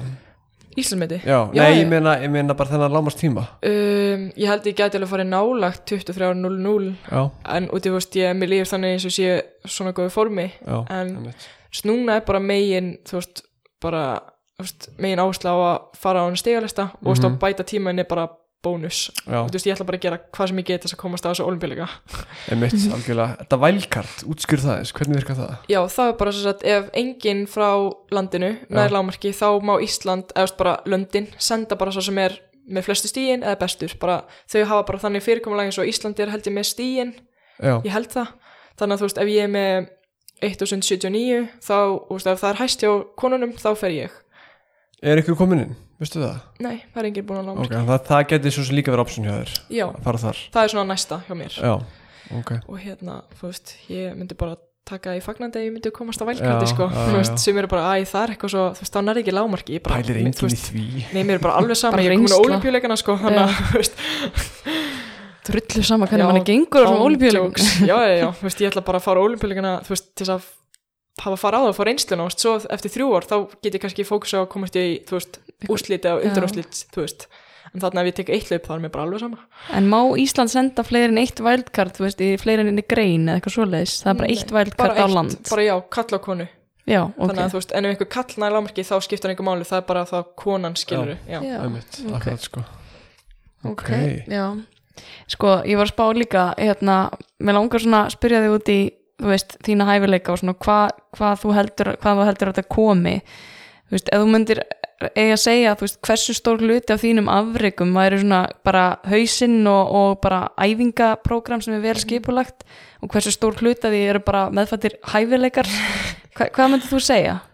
Vá, ég hérna, sko, ég er, þú veist, er bara að vinna í haustnum núna, þú veist, ég er svona rosalega bara, en ég hef, þú veist, ég myndi segja að ég er með rosalega góðan bara andlegan styrk að taka, að leggja inn þessa vinnu sem þarf, og sofa vel og borða vel og þannig ég held að Já. það sé svona bara, þú veist, minn styrkur, en kannski, veist, eins og ég var að tala um áðan hann að hafa trú á sjálfum sér, það kannski vantar stundum hjá mér, og þú veist, kannski en á Íslandi þá er ég oft líka bara, þú veist, lítil í mér sem er rosalega skrítið, því ég er bara mjög góð þú veist, með við það Já. í Íslandi þú veist, sprellum, þú veist, ég er ekki að gera lítið um en þú veist, það bara, Þetta er ekki bara best jú, jú, þú veist bara eins og, já, Íslandsmiti og eitthvað en Já.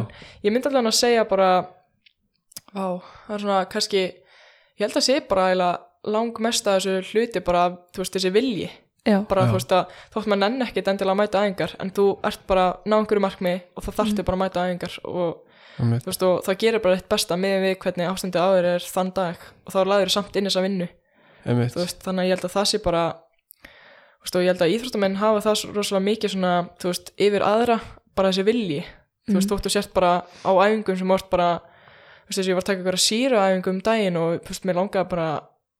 veist, hætta. Og þetta var bara, þetta var ógeðslegt. Mhm. en síðan bara var maður bara, ok þú veist, ef þú sleppir þessu þá kannski kemur það niður á þér í keppni. Þannig að þú veist, þú vilt bara halda áfram. Getur ekki, ekki slefti Nei, þannig að þú veist, það er mitt hérna og ég veit ekki alveg með þetta hérna hvort það sé eitthvað svona þú veist í hérna ættinni minn eitthvað að vera góður í einhver svona, þú veist, út ég hef ekkit það er enginn sem er eitthvað svona, hefur verið bara geðvitt góður í íþróttum, ekkit svona pappa eða mömmu megin, ekkit sem ég man eftir sko, þú veist, ég er ekki að, ég man ekki eftir því en, Engi svona afreks. Nei, ekkit eins og er oft í frjálsum eitthvað svona, þú veist, Já, þú veist, pappi þennan fór á olimpíuleikuna eða eitthvað, þú veist, maður svona, þú veist, þannig að ég er mitt, já, það var einhverjum mitt að segja við mig bara, já, þú ert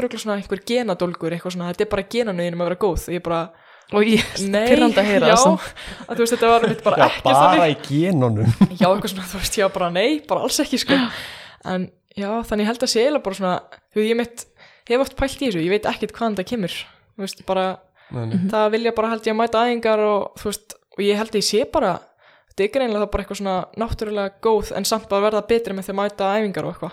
Já, líka eitt sko, að því mér langar að spyrja út í hvernig æfir og svona, hvað sem Mhm. og matræði, áður, áður fyrir mig til það vi- vil ég líka nefna sko, við vorum einn svona dæma saman einhverjum móti og þú, rigg eða MI, ég man ekki í alveg. hástökinu. Og ég man, ég glemis aldrei, ég man þú varst með rosalega áhuga á frjálsum þá var eitthvað nýbúið eitthvað mót, emhattamót og þú kannski tali bara allir sem voru að keppa í, Mhm. þú veist, í hérna 800 eða, eða 200 og þú veist, ég hef áhuga á frjálsum en Mhm. þetta er bara svona beyond sko já, þannig að þú veist, að því að að sko, svarið við spurningunni áðan er líka að þú, hefur greinlega bara mikið áhuga á þessu sporti þú fylgist með frjálsum að utan mm. -hmm. veist alltaf mikið með þetta heima mm þannig að þú hefur, greinlega mikið áhuga á þessu og hefur Já. aftur greinlega einhvern í, langan tíma sko. Já, ég mitt ég held að byrja svona bara, þú veist mest bara hérna þú veist, þegar maður fór að vera bara svona betri ég held það, Já. og þú veist, maður byrjaði bara svona að var í frjálsum fylgjast bara, með öðrum og já, svona þú veist, og fylgjast með svona bara þeim allar besti og bara fyrirmyndunum hans, þú veist, bara eins og Alison Felix og Jessica Anis Hill bara í þrautinni, þú veist, sem vann þraut bara nýbúin eignan spatt, bara já, já, og hérna maður fær óslega mikla svona fyrirmyndir og þú veist að horfa á þessu mót maður fær svona gæsahúð og maður bara svona vá ég væri til að vera þarna þú veist. Já, þannig ég held að það sé svona þú veist þú ert hefur alveg að fylgjast með demattamótum og EM innan hús á RÚF og allt þetta á HM og já já allan daginn sko. Bara þú veist mér finnst það rosalega gaman. Ég horfa oft bara á gömul þú veist eins og það er bara til playlist sem heitir bara London 2012 bara þú veist frjálsar og ég horfa bara ofta á hann sko. Já, þú veist bara horfa á alla greinina bara þetta er bara live bara allir dagurum bara þú veist 6 klútímar eða eitthvað þannig mér finnst það bara geggjað sko. Já. Vá, það er metnaður maður já En talandi um æfingar, þú náttúrulega, nú ertu með þetta markmið, þetta leðaljós að fara á ólpíleikana. Það er væntalega hvetjandi fyrir þig, já að ég myndi að taka svona síður æfingar og, og bara mikið æfingu. En hversu mikið æfuru? Hversu marga klukkutíma á viku Sko, ég æfi fimm sinnum í viku eða svona, þú veist, stundum á lögutum þú veist, það er svona fimm til sex sinnum og mér finnst bara mjög fínt að taka helgana bara heilar bara, þú veist, líka upp í sófa og gera ekki neitt. Ok, bara til þess að bara kvíla fyrir komandi viku og oft verður maður bara, þú veist, ég finna bara stundum verður maður bara þreyttu andlega, sérstaklega eftir svona og við tökum oft í uppbyggingu svona þrjár vikur, þú veist, mjög erfiðar og ein vika bara svona létt en samt ekkert svona þannig, sko. Og eftir það verður maður oft bara rosalega steiktur í hausnum. Já. og þess vegna finnst mér bara fínt um helgar bara stekt pæli æfingum og vera bara að chilla og eitthvað, þú veist, bara læra eða gera eitthvað annað. En núna svona, þú veist, þegar maður er eldur út, ég vill ekki, þú veist, æfa of mikið til þess að svona brenna út að þú veist, hennar þannig að ég er svona farin að mæta aðeins og lögutum bara gera mjög lett, þú veist, ég á bara að gera mjög lett þjálfara minn segja það bara, þannig ég fylgi því bara. Þú veist, ég hlusta bara á þjálfara minn bara 100% þú veist, ég skil ekki þegar fólk bara já, ég trist ekki alveg þjálfara mínum. Ég var bara, farið þá bara að finna þér annan. Og þú veist, það, þú átt að trista þjálfaranum 100% Já, þú veist, ef maður myndi segja mér að fara í göngutúr og gera tvær arbjör, það myndi ég gera, þú veist, það er bara gett random. Já, einmitt. og hérna, þannig að, já, maður skiptist í hérna mánudum, miðgudum og föstum, það eru svona hlaupaðingar og mánudar eru bara hratt, bara alvöru hraði. Og þriðdum er að lifta og það er svona mismundi liftingaræðingar, þú veist, á þú veist, hvaða degi, sko. Og hérna, miðgudum er þetta svona síru ógeð. Svona starta og síðan veit maður alltaf loka hlaupið, það er alltaf erfitt. Ok, Já. Já, ok. og þegar líður nær keppnistímabili þá er þetta svona kannski hraðir 150 metra sprettir í staðin fyrir þú veist að fara 200 metra fimm sinnum, þú veist, með tvekja myndu kvíld og hérna, fimmtum er já, liftingar og þú veist, þetta er alltaf svona þrek og eitthvað líka. Og föstum er svona, þú veist bland, þá svona tækni og síðan kannski, þú veist, skokka vikun úr sér, þú veist, með að taka 100 metra spretti og eitthvað, eða svona ekki spretti. Einmitt. þannig að það skiptist, mér finnst það rosalega hérna, bara henda mér rosalega vel þetta æfingaplan að taka hratt á mándum og ég er bara búin að taka þetta bara þú veist, svona fyrirkomulag bara síðan ég hérna byrja bara að einbytta mér hlaupunum. Og þú veist, greinilega henda mér bara rosalega vel. Mhm. og hérna, já, maður er auðvitað bara, þú veist, alltaf að styrkjast og hlaupa hraður og eitthvað svona æfingum og maður sér það bara mitt í liftingunum og eitthvað og ég svona, mér langar kannski að prófa aðeins að koma inn einhver svona auka æfingum núna, þú veist, kannski næstu uppbyggingu Mhm. bara eftir þetta inn í tímabil. Að hérna prófa einhverja svona, þú veist, nýjar æfingar kannski eins og með Exergene sem ég, þú veist, svona hlaupa með þyngd og eitthvað, prófa að drilla með það eða eitthvað. Mhm. og hérna, en það er mitt bara, þú veist, ég þarf bara að ræða það við þjálfara minn og eitthvað. En hvað svona, þú veist, því maður veit að það er allt verið að æfa sprettlaup Hvað eyður miklum tíma hlutastlega í að hlaupa með, og miða við svona allar stóðaðingarnar og liftingarnar og, og allt það, þrekið og... Já, sko, þetta fer eiginlega bara svona svolítið eftir hvar maður er á tímabilinu Mm. og hérna, náttúrulega þeir sem eru frálsum vita að þetta er, þú veist, uppbygging, keppnis, uppbygging, keppnis Já. og svo bara off-season Mhm. og hérna, en þú veist, eins og í uppbyggingunni maður er bara heavy, þá eru æfingarnar alveg í svona 2-2,5 tíma þóttu sér liftingar að hlaupa og hérna, uppbytunin á, þú veist, fyrir hlaupaæfingar, þú veist, maður náttúrulega bara taka vel, bara, þú veist, uppbytun, bara til þess að tókniki eða, þú veist, meðast. Og hérna, uppbytunin í svona, þú veist, 30-40 mínútur, svo alveg bara í keppni þá er klukktími, þú veist, bara hérna heima en útlundum þá fer maður bara eftir, þú veist, sólinni og eitthvað. Mm. Já. og maður vill ekki vera steiktur. Mhm. en hérna, já, æfingin getur alveg tekið, þú veist, tvo tíma. Þetta er líka fyrir svo mikið eftir, þú veist, hvaða hvað þú ert að setja gæðin í þú veist, þetta er spettlusæðing, þá tekur hún stytti tíma og þá tekur kannski svona, þú veist aðeins styttir kvildir en þú veist, þetta er svona fyrir eftir hvað þjálfur vill leggja fókus á og þú veist, þú getur tekið sömu æfinguna nema með mismöndu kvildi og þá ert að fókusa á eitthvað annað. Já, þannig að þú veist, það er mitt svona gleymist oft og ég held að fólk haldi, þú veist, þegar maður æfi frálsar að maður sé bara í ringi en þú veist, ég er að gera alls konar tæknaðingar farið við litla grindu til þess að æfa skrifin og þannig að þú veist og starta og þá þurfa að gera þetta og þetta og þannig að þetta er svona fyrir rosalega mikið eftir, veist, hvar maður er á tímabilun og eitthvað, en núna Já. er, þú veist, æfingina bara mjög stittar, sérstaklega bara út af kemstímabili svo fer bara mitt eftir hvað margir í klefanum og hvað, ma- þú veist, hvar maður kemst í tækin og eitthvað, getur oft verið mjög erfitt. Já. þannig að maður vil oft drífa sig bara En, en þú ert ekki að taka þá bara eitthvað 15 km hægt skokka eða eitthvað, þú ert ekki í þeim pakka. Nei, nei, nei, ég, þú veist, skokka mest tímundur aðingum, sko. Já, þú veist, Já, það er það sem ég er við erum svo vun því að vera að bara stærsta, stærsta magnið á svona langklaupara væntalega millivega líka er bara hægt skokk já, Þetta á ekki við er um þið ekki eitthvað svona að taka svona T, eitthvað púls eða eitthvað? Jú, jú, Já. jú, jú T1 Ég veit skildi það alveg. Són- Són sónin, 1 já. og són 2 það tengja margir við sko Já. en þetta næri ekki niður í sprettlum Nei, nei, nei, alls ekki, sko, ég er mitt, Ok. hérna, já, við skokkum bara svona, þú veist, sumi skokka bara Sem uppbygging 5-6 bara. mínútur, sko, já, Já, já. en þú veist, mér er oft gott að taka bara hratt tímuna skokk og fá svona aðeins blófla í gang Já. og hérna, en þú veist, sumi eru bara, þú veist, fyrst gott að bara skokka einn Mhm. eitt ring og gera bara þrek og, þe- þú veist, og þess að bara svona kveikja hans í en þú veist, þeir svo mikið eftir hvað fólk fílar bara uppbytun Mhm, einmitt. en þú fer aldrei út að skokka um, Nei, ég eiginlega bara, þú veist, gerði það mjög oft þegar ég var yngri, sko, þá Ok. fór ég og pappi bara, þú veist, vá, ég var mitt í svona langklaupa hérna hjá Gunnapalla bara Já. á 50 alltaf ég var yngri, sko og síðan kefti ég oft í hérna á lögutum, þú veist einhverju 5 km hlaupi og síðan Powerade hérna að hlaupa mót á rauðinni og í árbænum já, Já, ég á alveg. hérna alveg fína tíma í, hvað ég á 22 eitthvað í 5 km held ég, Já. eða Já. 23 ár ok. Og hérna, ég held það. Ég veit það var alveg góð tími. Það er veist, mjög ung veitala. já, mjög ung, þetta var bara eitthvað, þú veist Það er mjög 10-11 gott, ára eða eitthvað, eða 12 ára. Áttu ekki heimsmetið í því líka bara? Jú, jú, tíu ára yngri. Já, jú, síðan hætti ég því, þú veist, þegar út í náttúrulega bara mismunandi vöðvaþræðir þannig að maður má ekkert vera að fara eitthvað, þú veist. Þetta er bara allt Já, annað. En eins og þú veist, þegar á lögadum þá fer ég alveg út að, þú veist, þá get ég alveg að fara út að skokka og eitthvað, Já. en bara því ég er með svo, þú veist, svolítið viðkoma fætur, en ég þóri ekkert endilega út af, þú veist, bara malbygginu og eitthvað, bara svona Já, já. undilega og hérna, hann er nei, ég fer ekki, mér finnst það svolítið leðilegt, bara að fara, Já. þú veist, en mér finnst það alveg fínt þegar gott við, það er bara svona að fá svona fest loft og eitthvað, Já, já. en mér finnst mjög gaman að hjóla, Mhm. þú veist, ég hjóla mitt bara oft í skólan og, þú veist, á æfingar og heim bara til þess að spara bensín og eitthvað, Já. mér finnst mér það mjög gaman, sko, ramasjóli, það er hella næs. Já, já, já, já. það er new in Eyða of það er það er mjög næst sko.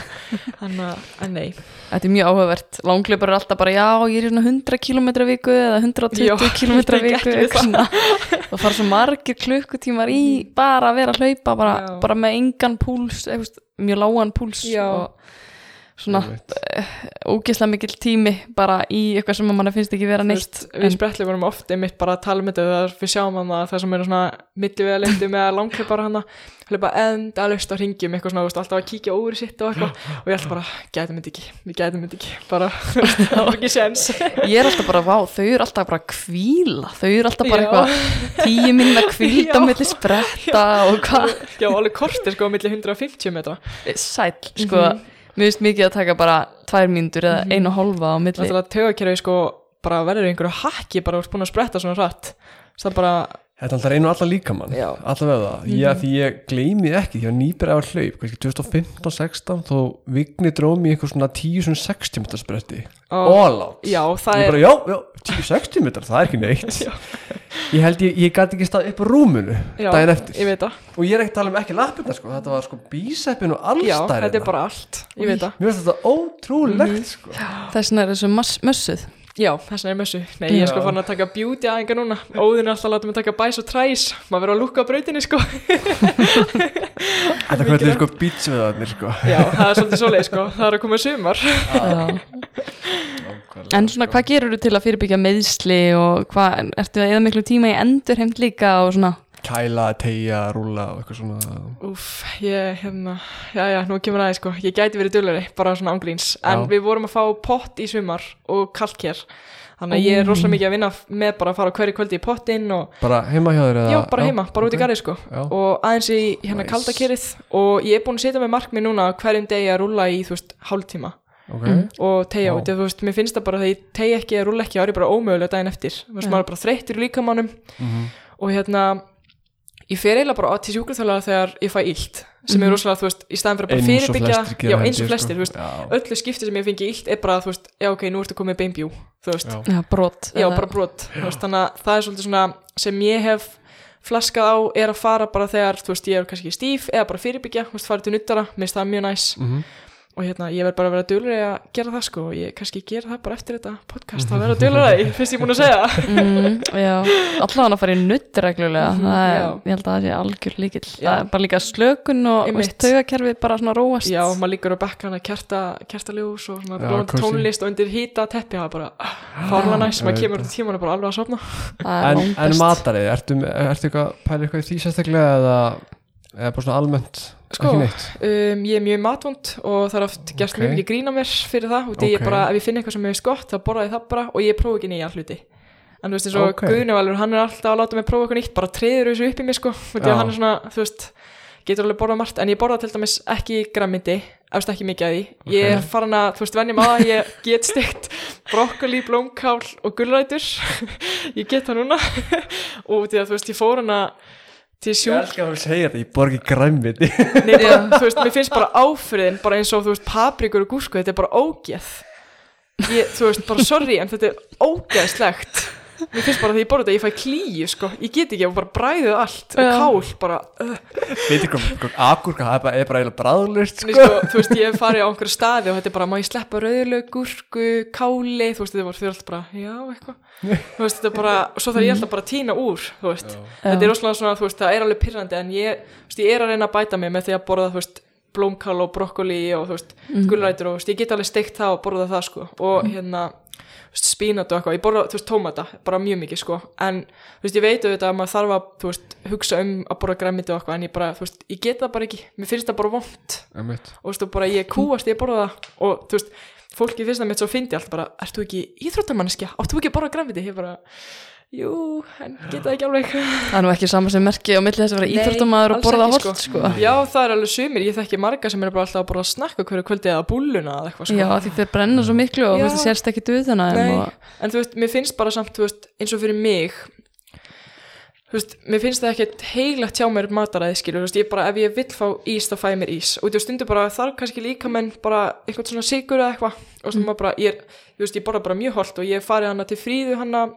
næringafræðingur Já, og hérna fór til hennar og hún sagði bara næringi mín væri bara tip-top, þú veist, bara mjög flott Ok. og ég hugsa mér með að koma bara inn öllum, þú veist, ég borða mjög mikið fisk þú veist, kjöt, egg, bara og reyna að fá þetta bara, þú veist, sem mest af fjölbreytta fæðu en síðan leiðum mér líka alveg að fá mig bara þú veist, eða ekki keppnishelgi, bara snakka Já. þú veist, eitthvað svoleiðis eða kuku eða eitthvað Já, þetta er ekki svona stráng trúið einhvern veginn á sleppa Nei, einhverju mér sem finnst- gengur alltaf aldrei Nei, mér finnst það mitt, þú veist, ég hef tekið hann í tímabil og þá var maður einhvern veginn bara svona, ég fór með vinnum mínum í ísbú og ég var bara eitthvað út í bíl að menn þau fengur sér ís. Þú veist, og maður var eitthvað svona leiður á því, Já, einmitt. þú veist, og hérna, Til lengdar gengur það ekki ég, nei, En sko, þegar maður er í langklöpu, nú er alltaf að byrja saman, þá þarf maður alltaf að vera eitthvað pæli, þú veist, vikuna fyrir, kolvetna, eitthvað að hlaða sig, eða þú veist, Já. það er alltaf að tala um Já. það.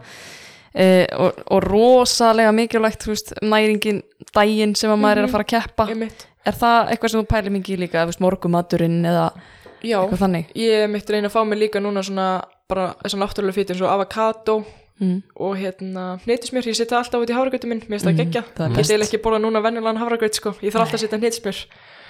Ég sammála því. Já, þú veist, annars verður bara vant bræð, ég bara, ég er ekki greinast. Mm.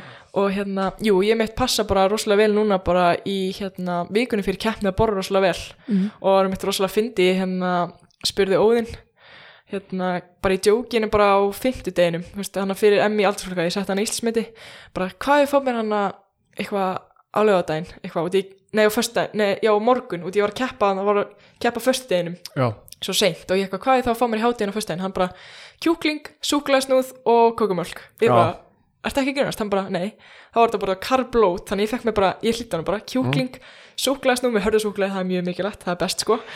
Og kókumölk og það virkaði ekki náttúrulega vel.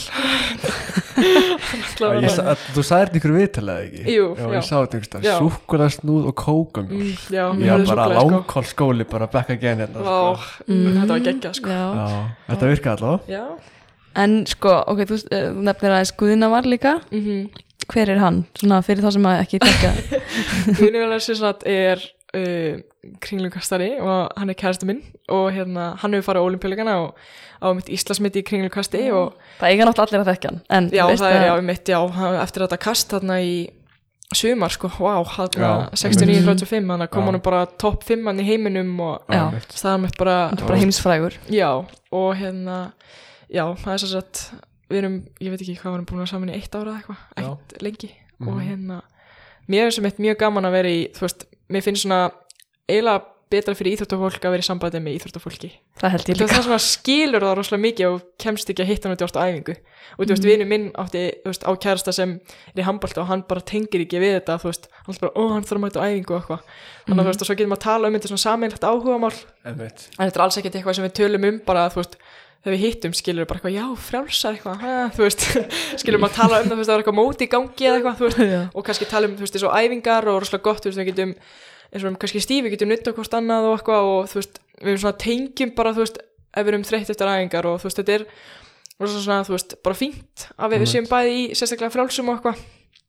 Og hérna, hvetjum rosalega mikið annað áfram Já. og hann hefur mitt bara hjálpað mér rosalega mikið bara þú veist, fá trú á sjálfur mér og eitthvað, þú veist, hann er rosalega bara mikið svona, hann, þú veist, er bara, já, ég kemst á olípilguna, þú veist, hann er rosalega mikið þannig, þú veist, hann hefur bara bila mikla trú á sjálfur sér og hann er bara svona, þú veist, sem ég er- virkar já, sem virkar bara rosalega vel fyrir hann, þú veist, en ég er svona, þú veist, hann er meira svona, ég set Íslandsmynd í kvöld, en ég, þú veist, ég þóra ekkert að gefa hann eitt svona út, út í að, þú veist, þá finnst mér að bara setja press á mig, þú veist, út í að, þá er mér svo aðri sé að búast við því Já, og ekki það, mér, þú veist, mér er alveg sama hvað öðrum finnst, en bara mér, þú veist, það bara, maður hugsa oft þannig, Aha.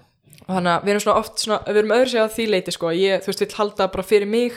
Veist, hann er alltaf svona, já, þú situr í Íslandi kvöld. Og ég bara, ég veit ekki, ég ger bara mitt besta og þú veist, eitthvað svona. Þannig að þú veist, við erum mitt bara svolítið ólíki karakterar þannig, en þú veist, bara mjög líka öðru leiti sko. Mm. nú eru þið bæði alveg gigantist góðir íþróttamenn. Mm -hmm. er ekki svona samkeppni ykkur á milli? Er aldrei neinn svona rígur eða öfund eða Nei, ber ekkert á því nei, Eða bara mitt, kannski hvetjandi jú, bara hvetjandi sko Já. ég mitt fengið þessa spurningu áður, þú veist, svona Mhm. hvort að ég, þú veist, eins og þegar ég mér gekk ekkert vel hann 2020 hann. Í fyrra, en já. fyrra, erfitt að vera í gifsi eða eitthvað þegar hann er kannski bara einmitt. eitthvað að standa sér fárlega vel og þá var mitt, já, sem var bara þú veist, það var alltaf vont viður þegar ég var að keppa og engin hlauparar og þú veist, ég fór ekkert út að keppa. Svo náði hann þessu geggja kasti. Ég, bara, ég held að ég var bara stoltar en hann sjálfur sko, út í hann svona vissi ekkert hvað hann, þú veist maður er bara alltaf í sjokki fyrst. Ég kom bara að senda hann skilabúð bara og ringdi og ringdi og ringdi og var bara akkur ekki að svara mér? og eitthvað svona, þú veist, og var bara alveg, þú veist, og ég var svo stolt af hann og þú veist, og svona vænt um og verður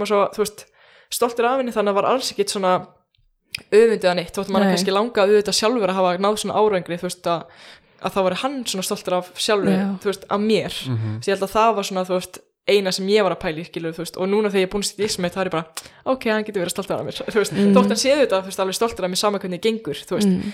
en nei, það var alls ekki neitt svona öfundi að það var aldrei neitt svona samkeppni neitt sko, þú veist, við tölum Mhm. bara um hvernig gekk þér á æfingu og þú veist, Já. eitthvað svona, þannig En svo eru bæðið með þetta leðiljós og komst á olimpíuleikan alltaf mm Hvernig var ekki styrla að vera saman? Jú, ég er bara, bara langspenntus fyrir því sko, að þú veist skilur að komast á olimpíuleika náttúrulega bara, þú veist, geggja en fara saman, það væri bara mjög gaman sko. Mhm. Einmitt. hann er vendilega bara komin inn? Já, en náttúrulega það var ekki opið fyrir lágmark þegar hann náði. Nei, auðvitað, já, þannig að hann fyrir að ná aftur. Já, Já, eða ekki? Mm Já, einmitt. En ok, þú veist, þannig að hann, ef hann hittir á þú veist, gott kast, þá ætti hann alveg að geta ná því sko. Já, akkurat Herra Elín, það er svolítið að fara að síða setni hlutan hjá okkur, eða ekki? Hvað við bara, já, við þurfum að taka allan að smá íþróttir, en að frálsar íþróttir á Íslandi Já. umræðu, þú veist, Já. en að Já, við algjörlega. ætlum, það var nú svolítið líka tilgangurinn með þessu, Mhm. en Já. að það er svo mikið í umræðinu núna og búið að vera undarfæri hvað, eitt, eitt, eitt og hálft ári eða eitthvað aðeins svona Bara borið á. meira eiginlega, sko Vist, Alltaf bara að vera að tala um þetta, sko Já, sko aðstöðumálin hafa náttúrulega verið bara þú veist, þú veist í umræðinu kannski í mitt svona eitt og hálft ár, þú veist, eitthvað svona Mhm. byrja að tala um það, þú veist. En það hefur einhvern veginn alltaf verið, þú veist, bara trafkað á frjálsum, ef ég bara segja alveg satt. Mhm. já, og við frjálsættumenn upplifum oft bara þú veist, þetta er bara fótbolti, fótbolti, já, fótbolti eiginlega eða- sko. Og síðan, þú veist, ef maður segir eitthvað svona, þú veist, í fréttum eitthvað, já, fótboltin eitthvað alltaf að trafka yfir okkur, þá er alltaf kötta það út og þetta er svo mikið svona, þú veist, Já, alltaf um það. fótboltan, já, já, já, ég var alveg að tala um fótboltan í fréttum að kötta út, sko. Já, ok. Og hérna um, það er mjög mikið svona hita umræður á mínu heimili við fótboltasískinni mín Mm. og hérna, Hei, ég ætla ekki að kvæta þetta út. Nei sko það er bara þú veist, ég er alltaf að Elín segja hatar fótbolta, Nei, sko. ég hata ekkert mér, Mér finnst hann ekki skemmtilegur. aftur. Eh, mér finnst fótbolti bara leðil íþrótt ef ég var alveg hinskilinn Já. og þú veist, ég ætla bara ekkert að taka það tilbaka. Og þeir sem Mhm. hafa fótbolta með að bara þú veist, taka því bara, Já. uh, mér er bara alveg sama sko. Já, þeim finnst að spretla upp líka mjög Já, leðileg bara öruglega sko, þannig að mér gæti ekki vera meira sama sko. En hérna, já, sem sagt þess að aðstöðumál Það er bara einhver algjör hakki Bara, þú veist, bara, Mhm. auðvitað bara allir vellina á Íslandi eru bara umulegir, þú veist, þannig Mhm. Aldrei, þú veist, það er byggt vellina, gert aldrei neitt við og þeir bara eðlega gæst Og svo bara, og, svo bara við nennum ekki eða peningi að gera þú veist Mm. Þannig að við erum bara að hlaupa á einhverjum götutum, völlum og þú veist Hvað er bara málið með lögutarsvelli núna eiginlega? Það er bara, hann er bara hólóttur og Sko, sko, hálfbrauð Tartan alltaf fyrstulega er bara mjög slæm var, var það fyrir, sko Já, var það fyrir, Er sko. Jú, og síðan veit ég ekkert hvað fór í gegnum hausun á heim sem ákvaða að taka helmingin af, leggja nýtt og taka sér núna helmingin af þannig að það er ekki neitt á helmingnum, skilur. Já, veist, hún var ömuleg nú þegar brautin, síðan kom þessi leikur hana, átt að vera, Ísland Rúmenía. Já, eitthvað svo leiðist þau setja hana dúk til þess að halda grasunni alveg bara fínu fyrir fótboltan, geggja, hérna Í aðeinslegt. sért mass eða ekki eitthvað mass Jú, þetta apríl var alveg lengi. 2020. Og þau sem sagt bara götuðu brautinu og til myndir að þessu á Facebook og þá mitt byrjaði svolítið svona umræðan um það, Já, þú veist, og Freyr hérna fór í hérna fréttingar út af því, formaður sem já, formaður, frí já, Já, og hérna það var bara göt og hólur og hólur og hæðir sko, þannig að Þannig að það var settu dúkur yfir sem sagt, grasvöllin sem að gataði gataði Brautina. brautina, og þau eru alltaf að setja einhverja hátalar á okkur brautinu og ég skil ekki, þú veist, af hverju það er saman fótbolta á frjálsættuvellur Nei, það er bara heimskulegt sem ég bara veit um þú veist, þannig að það er ég held að fótboltamenn spyr, spyr sér þið nákvæmlega saman já, bara Já. alveg nákvæmlega þannig að sama sko. Báðir aðlar eru sammála um að þetta eigi ekki vera saman Nei, sko. þetta á enga, samleið sko. Nei. og ég held að það er núna Mm. í umræðan að byggja aðalvöllin uh, fyrir ofan lögutarsöllina og þá geta haft það, þú veist, þá geta haldið alþjóðlega mót og þá erum við lögutarsöllina sem uppbytunumvöll já, já, já. Og það er mitt svona, þú veist að þú vilt halda eitthvað þannig mót og þarft að vera um uppbytunumvöll líka. Einmitt. Leika frjálsar hafa aldrei haft forgang á þennan völl til, til æfinga. Nei, nei, það er náttúrulega- leikur hjá, sko, þú veist, ég veit ekki einhverju liði í þriðudeild eftir tvær vikur og við meðum ekki fara, þú veist, maður er bara í alvörunni. Þannig að við erum bara á kastellinum, þú veist, á einhverju 100 metra léliri braut sem er bara líka léleg. Og hérna veist, og bara eiga hættu að, þú veist, kastarinn er kasti í okkur og þannig að, þú veist, en maður hefur bara látið þetta ganga síðustu ár og veist, maður veit einhvern veginn ekki hvernig en núna þegar þessi lókun að nota þessu rafíþróttamóti hef ekki neitt á móti rafíþróttum Nei. þú veist, ég ætla bara að taka það fram. En Já, það er en- bara, þetta er það heimskulast sem ég veit um að vera að koma hinga með 400 manns þegar er ekki svona aðstæða fyrir afíþróttir og akkur er að taka aðra þú veist, þú veist þetta fram yfir okkur, þú veist, að loka á okkur þegar þú veist, það er ekki einu svona þú veist, völlur úti. Þú veist, það væri annar mál við gætum eftir úti og myndum bara klæða okkur vel og ekkert mál. Þannig að staðan er þannig að það er ekki aðstaða fyrir frjálsar utandira núna -hmm. og e, það er ásist að vera hvað heimsbestaramót í raf íþróttum í sumar eða ekki, bara eða Jú, þetta er ekki? eitthvað svona, þú veist eitthvað Riot Games eða eitthvað, þetta er eitthvað þú veist, Eitthvað mót. Já, eitthvað mót og loka í sex vikur. Og þá fá, fáið þið ekki neina aðstöðu heldur innanhús í sex vikur og þið eru að stefna ólimpíuleika Já, þannig að að, já, við þetta sprakk svolítið hann þessi umræða. Maður, og mér var svolítið heitt í hamsi sko, ég átti mjög erfitt með að sopna hana bara, eiginlega bara viku sko. Ég bara, sérstaklega ég frétti þetta maður frétti þetta bara, þú veist fenguð vísi eða eitthvað. Nei, Já. bara það, veist, það fekk enginn að vita neitt nema bara vísi. Og það eru bara reglunar í höllinni að, að þegar að vera að halda svona viðbyrði, þú veist, ekki nómið það, það er alltaf að vera að loka höllinu undir viðbyrðum, Já, að þau eiga að láta okkur vita með fyrirvara svo við getum planað eitthvað annað. Já. En þau bara skelltu þessu á okkur og er bara alveg sama um okkur. Þannig að þú veist, e, mitt, um, þessi umræða sprakk svolítið mikið og það komur alveg óvart hvað skrifum mynd, mi, margir undir en hann undirskriftarlista hjá mér. Já, ég skrifa undir. Já, takk fyrir það. Svo bara mitt Jú. deildu mjög margir og eitthvað þannig að þú veist, maður fekk alveg bara svona, vá, takk fyrir. manni fannst þetta líka þetta, þetta meikaði engan sens. Og líka rafíþróttir geta þær ekki verið einhver staðar annar staðar, er ekki eitthvað annað eins og bara harpan Já, eða harpan er eitthvað, bara, þú veist, ráðstefnu húsnæði sem getur hýst þetta þarf það að vera íþróttavöllur Já, mér finnst það líka, þú veist, ekki vera að koma með þetta mót, þú ert ekki með hennar aðstöð fyrir, Já, þú veist, einmitt. þetta. Já, Mhm. Þú veist, þess að við myndum halda eitthvað frjálsöldamót en á væringin völlur og við myndum bara taka handbóltasal og hlaupa á þar, eða þú veist. ámarka láta okkur vita og svo getur skipulagt kannski næstu vikur, þessi sex vikur sko Já, mitt, þannig að þetta kemur á svolítið svona óhefnilegum tíma, sérstaklega út af því að þú veist, þá er maður að fara að keppa bara með sumari og eitthvað, mm. Þannig að ég er bara að pælja að skella myndi tenni, sko, Já, Já, þú veist, bara að fara í tvær þrjá vikur, bara Já, já. eftir lokaprófin í HR, sko, og það er eitt staðarpróf þannig ég þarf að mæta, já, eftir það er ég bara farin, já, já, en þetta er bara eina með þetta er bara, þú veist, litlu krakkanir, þú veist, úlinganir og þú veist, eins og hópurinn af mér sem ég er að þjálfa fyrst og annar bekkur, bara orðnir, þú veist, bara mjög stór hópur. Og svo núna munur að minka bara út af þessum sex veikna, þú veist, út af þessum sex veikna lókun. já, alveg klálega það er alltaf bara dettur út. Mm en og hvað er málið eiginlega með Írvöllin hann, hann átti að vera tilbúin fyrir hvaða mörgum árum. Vá, hann átti að vera tilbúin hvað, 2017? já. Já. Og svo var lagt eitthvað tartan sem að var eitthvað ekki nú gott eða undirlagi var ekki rétt eða Já, sko þau, um, borgin læði ekki rétt undirlag, alltaf borgin, þú veist, alltaf eitthvað. Þú veist, og þá um, hjælt brautin ekki við þá lögðu bara eitthvað sama malbygg og er bara, þú veist, efni og þú veist, gerðu gangstjætt eða eitthvað svoleiðis. Já, og það já. er náttúrulega ekki gert fyrir tartan. Mm. þannig að, þú veist, tartan hefði alltaf bara orðið eðilagt bara eftir smá stund og það þurfti að bara eða peningi að gera þetta aftur. Þannig að þau ákveð bara að brjóta, fræsa aftur upp malbyggi og síðan eitthvað, þú veist, ég veit ekki hvað og hvað, þetta er alltaf eitthvað að, þú veist, og Mhm. það er alltaf einhverju sami yfir þessu og þú veist, það er alltaf bara eitthvað vesen. Þannig að við erum að vona að vera til núna í sumar. En svo nennir maður ekki að segja eitthvað, yes, eitthvað þú veist, og því ég setti í story á Instagram bara 2017 bara yes, völlurinn að vera tilbúin. Svo, 2017 í alveg já, þú veist, bara er ekki Þetta er svo langt síðan. Já, mjög langt síðan, sko. Mhm. það Já. er bara það ákoma nýr, er útskýringar það ákoma nýr, sem braut, bara ný braut já, í, í er heimilinu í breiðaldi bara geggjubraut, blábraut, mondo bara styrslaflott og svo kemur hús aðna líka þú veist, og Já, nýr líftugaklefi og þú veist, þetta verður bara, þetta verður geggjað þegar þetta er komið. Þess vegna er maður búin að vera svo spenntur. Já. þetta er alveg en þú veist, hvað finnst þér að mætti betur fara hér á landi svona fyrir frálsýr þetta fólk? Ég held bara í fyrsta lagi bara að hætta að líta á okkur sem bara einhvern svona, þú veist, minni hlutahóp, eða þú veist, bara í íþróttunum, skilur, og það er, þú veist, eins og maður sér á svona fréttasíðum, þetta er alltaf bara fótbolti, formúla, handbolti, annað. Og allar aðri hittir falla undir annað, þú veist, nema bara þessa stæstu og ég held að svona, þú veist, fólk gerir sér ekki grein fyrir, skilur, þú veist, það er alltaf að vera svona að stæra sig af því, þú veist, af þeim árangur sem við náum, bara sem íþróttamenn. En þau eru raunin ekkert að gefa okkur neitt í staðin eins og núna er að taka okkur aðstöðuna en þau eru ekkert eitthvað, þú veist, bara gett stolt að í, þú veist, bara eins og þegar loka fyrir einhver ásatíð, þau eru ekki stolt að í hversu vel, þú veist, landsbankin djamaði um helgina, sko, Nei. þú veist, þau eru stolt að í þegar við náum árangri og eitthvað. Þannig að, og mér finnst það svona þú veist, eins og okkur, það er alltaf að segja já, þið verður bara að vera með sterkari rödd og eitthvað. Ég bara, þú veist, en það hlusta enginn á okkur. Svo er þetta alltaf eitthvað, já, pólitík, pólitík á ekki að koma, þú veist, þessu neinu við, þú veist, bara út af þetta er bara íþrótt, þetta er bara reyfing, skilur þú veist, það á ekki.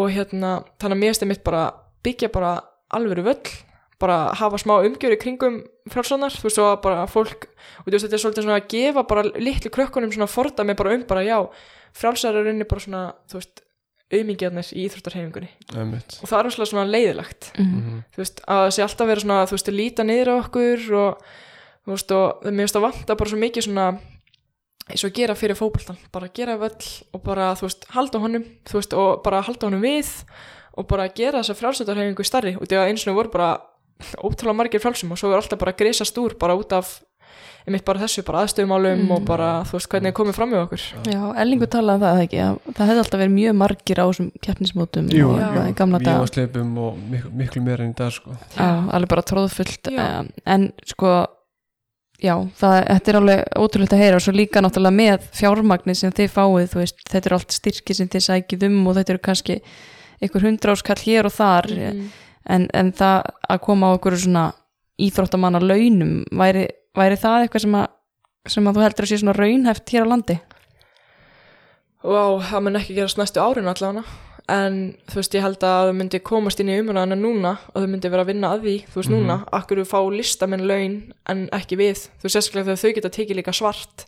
Já. Þú veist þannig að þau fá auka við þessi listamannalaun. Mhm. þú veist þau eru að eigða tímanum að gera eitthvað sem þeim finnst skemmtilegt, akkur getur við ekki fengið eitthvað, þú veist að leggja inn alla þessa vinnu, þú veist við þurfum bara þú veist þetta er vinnan okkar að mæta æfingar og eigða tíma í staðin fyrir að geta farið í alvöru vinnu.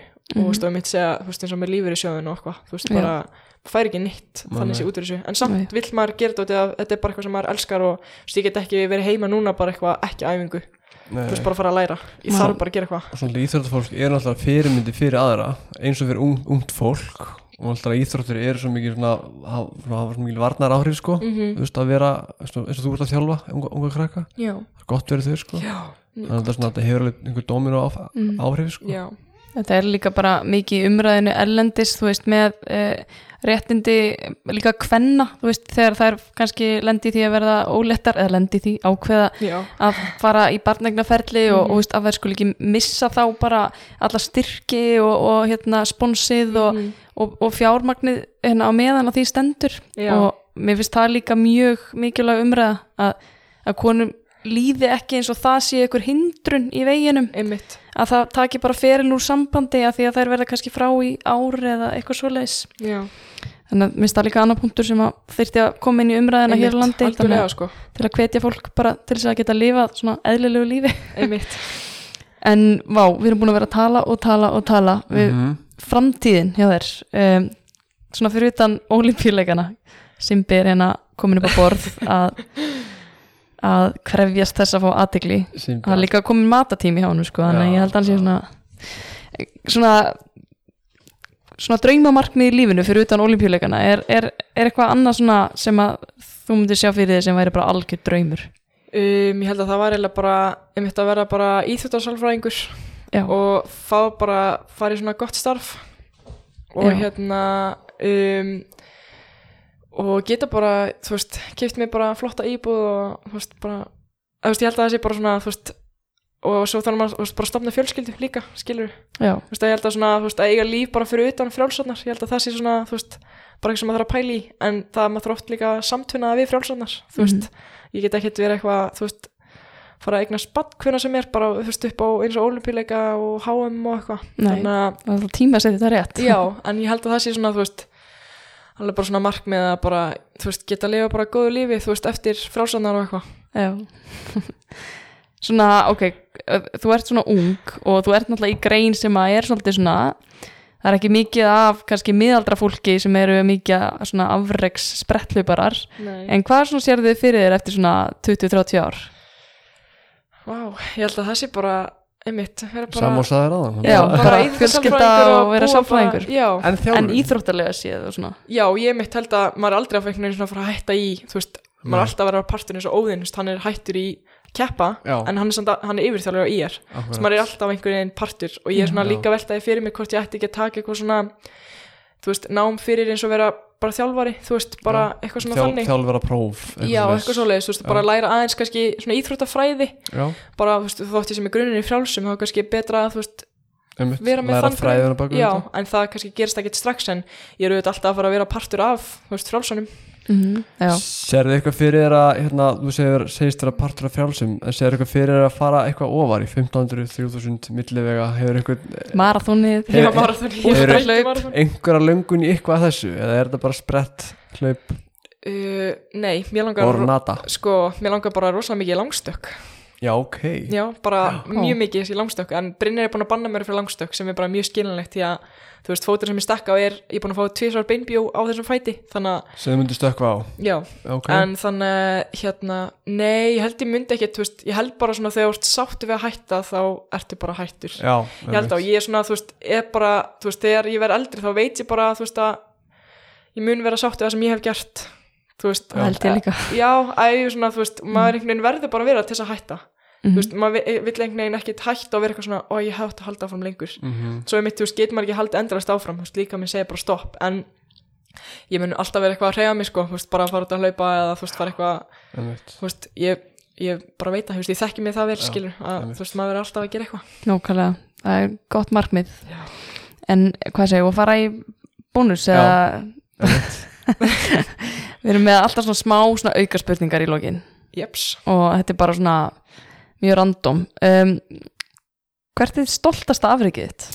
það er Hing- hingað þarna- til. já, það er Evropamistari undir átján, Já, úti það var svo óvænt Já, það var mjög óvænt já, ég myndi alveg bara definitely segja það sko. já, af mörgum að velja náttúrulega hjá þau, sko, Já, eða ekki? en það er bara, ég veit ekki, mér finnst bara tilfinningana voru bara einhvern veginn svo bara þetta var bara og því ég hef, þú veist, held alltaf að ég myndi bara vera bara svona, vera bara í frálsum ég Já. hafði að ein, alls ekki trú að mér ég gæti verið svona góð að, mm. Þannig, þannig, að, já, það er að besta Hérna, geggjað, uh, að því við elskum mat, Jölín, hver er bara smaturinn? tortíjur allan daginn, sko. Oh my god. Ég elska Ah. tortíjur. Ekki með neinu salati eða káli eða uh, svona tómatum og avokado Og hakki, og hakk eða kjúklingur Já, ég fekk mér tortíjur í gær, sko já, Já, ég líka. já reyndar, það er rétt Herðu, áttu þér eitthvað svona eitthvað vandræðilegt moment í hlaupunum? Eitthvað svona óþægilegt sem gerist fyrir þig? Já, bara óþæl sem ég lendi í en þjófa í Þískalandi og að lappa fyrir framann alla áhörunda til þess að ná í dótið mitt bara hinum einn, bara eftir hlaupi þú veist að býja eftir að hlaupi á búi og eftir að lappa þetta var svona walk of shame, sko, mjög veist það bara Já. það Var þetta í hrikalegt, 200 eða var þetta 100 í 100? Já, það var að lappa þannig niður í marki á körfuna mínu með dótinu mínu. Bara, bara þú færið ekki að sko. taka þátt og bara tekur er inn það er ekki áminning og svo, nei, það er bara þjófar Ok. þá ertu bara úrleik Já, það er svolis. mm þóttu Vá. sért bara, þú veist, þetta er eitthvað svona ákveði viðmið og þóttu sért bara, þú veist rétt svo undir því þá ertu samt æfurleik Já, ég skil. Þetta er svo mikið bara, þú ert búin að vera að æfa, æfa, æfa bara búin að gera það tilbúna fyrir eitthvað rosalegt Já, svo bara sekundu broti þá er þetta bara búið já, það Já. er mjög Já. leðrætt það er, já, það er svona í sprettleipunum sko. Já, Myndur einhvern veginn æfa að keppi fyrir FH? Nei, so sorry en bara þú veist eins og í höllinni hafa bara allir að kvitja alla áfram þetta er bara eins og fjölskylda, þetta er svo hlýlegt. En nei, það er ekki séns. Ég er með sko, því alltaf, þú sér ég er í írbólum hérna sko Mhm. og hérna stoltur íringur í fjárhalsum Ég áttaði mig aldrei á eitthvað sem mikill ríkur um væri Já. á milli félagana, Mhm. af því ég var ekki það djúpt í þessu einhvern veginn Nei, já. sko, ég kefti og ykkar fyrir ír í fjárhalsum og svona alveg slatta, en ég náði aldrei yfir ríkin sko, Nei, því langklaupar er bara svona, það er allir saman einhvern veginn, eiginlega nákvæmlega saman einhvern lið þú ert sko, það er, það er alveg svona ríkur á milli, það er spenna á milli. Sko, Þetta er alltaf tvö stórveldi þannig séð í Já, þetta er mitt bara, já, þau félög sem eru bara svona mjög svona dominant í, eins og emmi og byggar Já, maður, tekið til því sko. Já, en ég myndi ekki segja, þú veist, það er eiginlega bara svona þú veist, ég myndi ekki segja eitthvað svona rígur eins og var í gamla dag, þá var maður heyrt sögu bara svona, þú veist, þau var alveg bara svona pyrru út í hvort annað, en Já, það er ekki þannig núna, sko, Nei. þú veist, þetta er bara þú ert bara að hugsa frekar um þinn árangur og Já. þú veist, ef liðið vinnur, það bara geggja Já. Mér finnst, mér líður þannig allan en það er ekkit eitthvað svona rígur en það er alltaf svona smá spenna á svona stigamótunum. En fó- fólk hefur verið að skipta? Já, já, já, það er bara út af aðstöðunum. Já, er bara aðstöðunni. bara út af, þú veist, FH getur bara mætt hvernig sem er en höllin er bara, þú veist umulega því leiti að maður má aldrei mæta fyrir bara 57 eða eitthvað. Maður, er- maður er sér bæði sko úr FOIR og líka í já, Í við erum náttúrulega FH, með sko. bara styrlega þjálfara Já. bara í er, þetta eru bara, þú veist bestu þjálfararnir á landinu, eða bara svo mikið af þeim skilur, þú veist, það kannski er alveg bara mjög góð þjálfarar. Þú veist, við erum Íslandi með mjög góða þjálfarar skilur, en þú veist, Já. mér finnst bara í er bara að vera með þá allra bestu. Já, og ég er svona, þú veist, er ekki að setja neitt út af þjálfarana í hinnu liðunum sko, en þú veist, við erum bara svo mikið úrval, þú veist. Já. þannig að, Ég fíla þetta. Já, ég Já. fíla líka, aldrei FO Ég tala tandur hérna íslensku hérna sko. Já, ég er bara ekki sen sko, alltaf ég er einhver bara blátt hjarta Hver er svona helsta fyrirmyndiðin í lífinu? Uh, vá Ég myndi eiginlega að segja hann að Jessica Anis Hill, þú veist, upp á frjálsanna, sko, bara, þú veist, Í sjöþröð já, sé þrýtt, bara Mhm. dugnaður í henni, sko, mér finnst það bara geggjað og hérna, en þú veist, við þetta bara lítum maður upp til bara margra einslæringa bara upp Já. á mismöndi hluti, en Einmitt. svona upp á íþróttuna er hún svona aðal, Já, aðal fyrirmyndin, sko. Já. Mm. Ég held að þetta sé bara lokaður en það ekki Eða hvað, vilt þú koma með eitthvað meira, Elín? Það er bara ef þú vilt bæta einhverju við Hver að mikilvæg ég skilabóð út í kosmosið Bara halda áfram að æfa vel, bara, Já, já, það ekki annars held ég sé búin að bara tala það sem ég, Já. veist, bara mjög mikið, sko. Við lögum alveg rosalega til að fylgjast með þér í, á næstu vikum og mánuðum og, og vonandi fá að horfa á þig í sjónvarpinu á olimpíuleikunum Já, í sumar. það væri gaman, sko. Bara gangið er ókslega vel og takk fyrir að koma til okkar. Já, takk fyrir og takk fyrir að hafa mig. Já, takk sem leiðis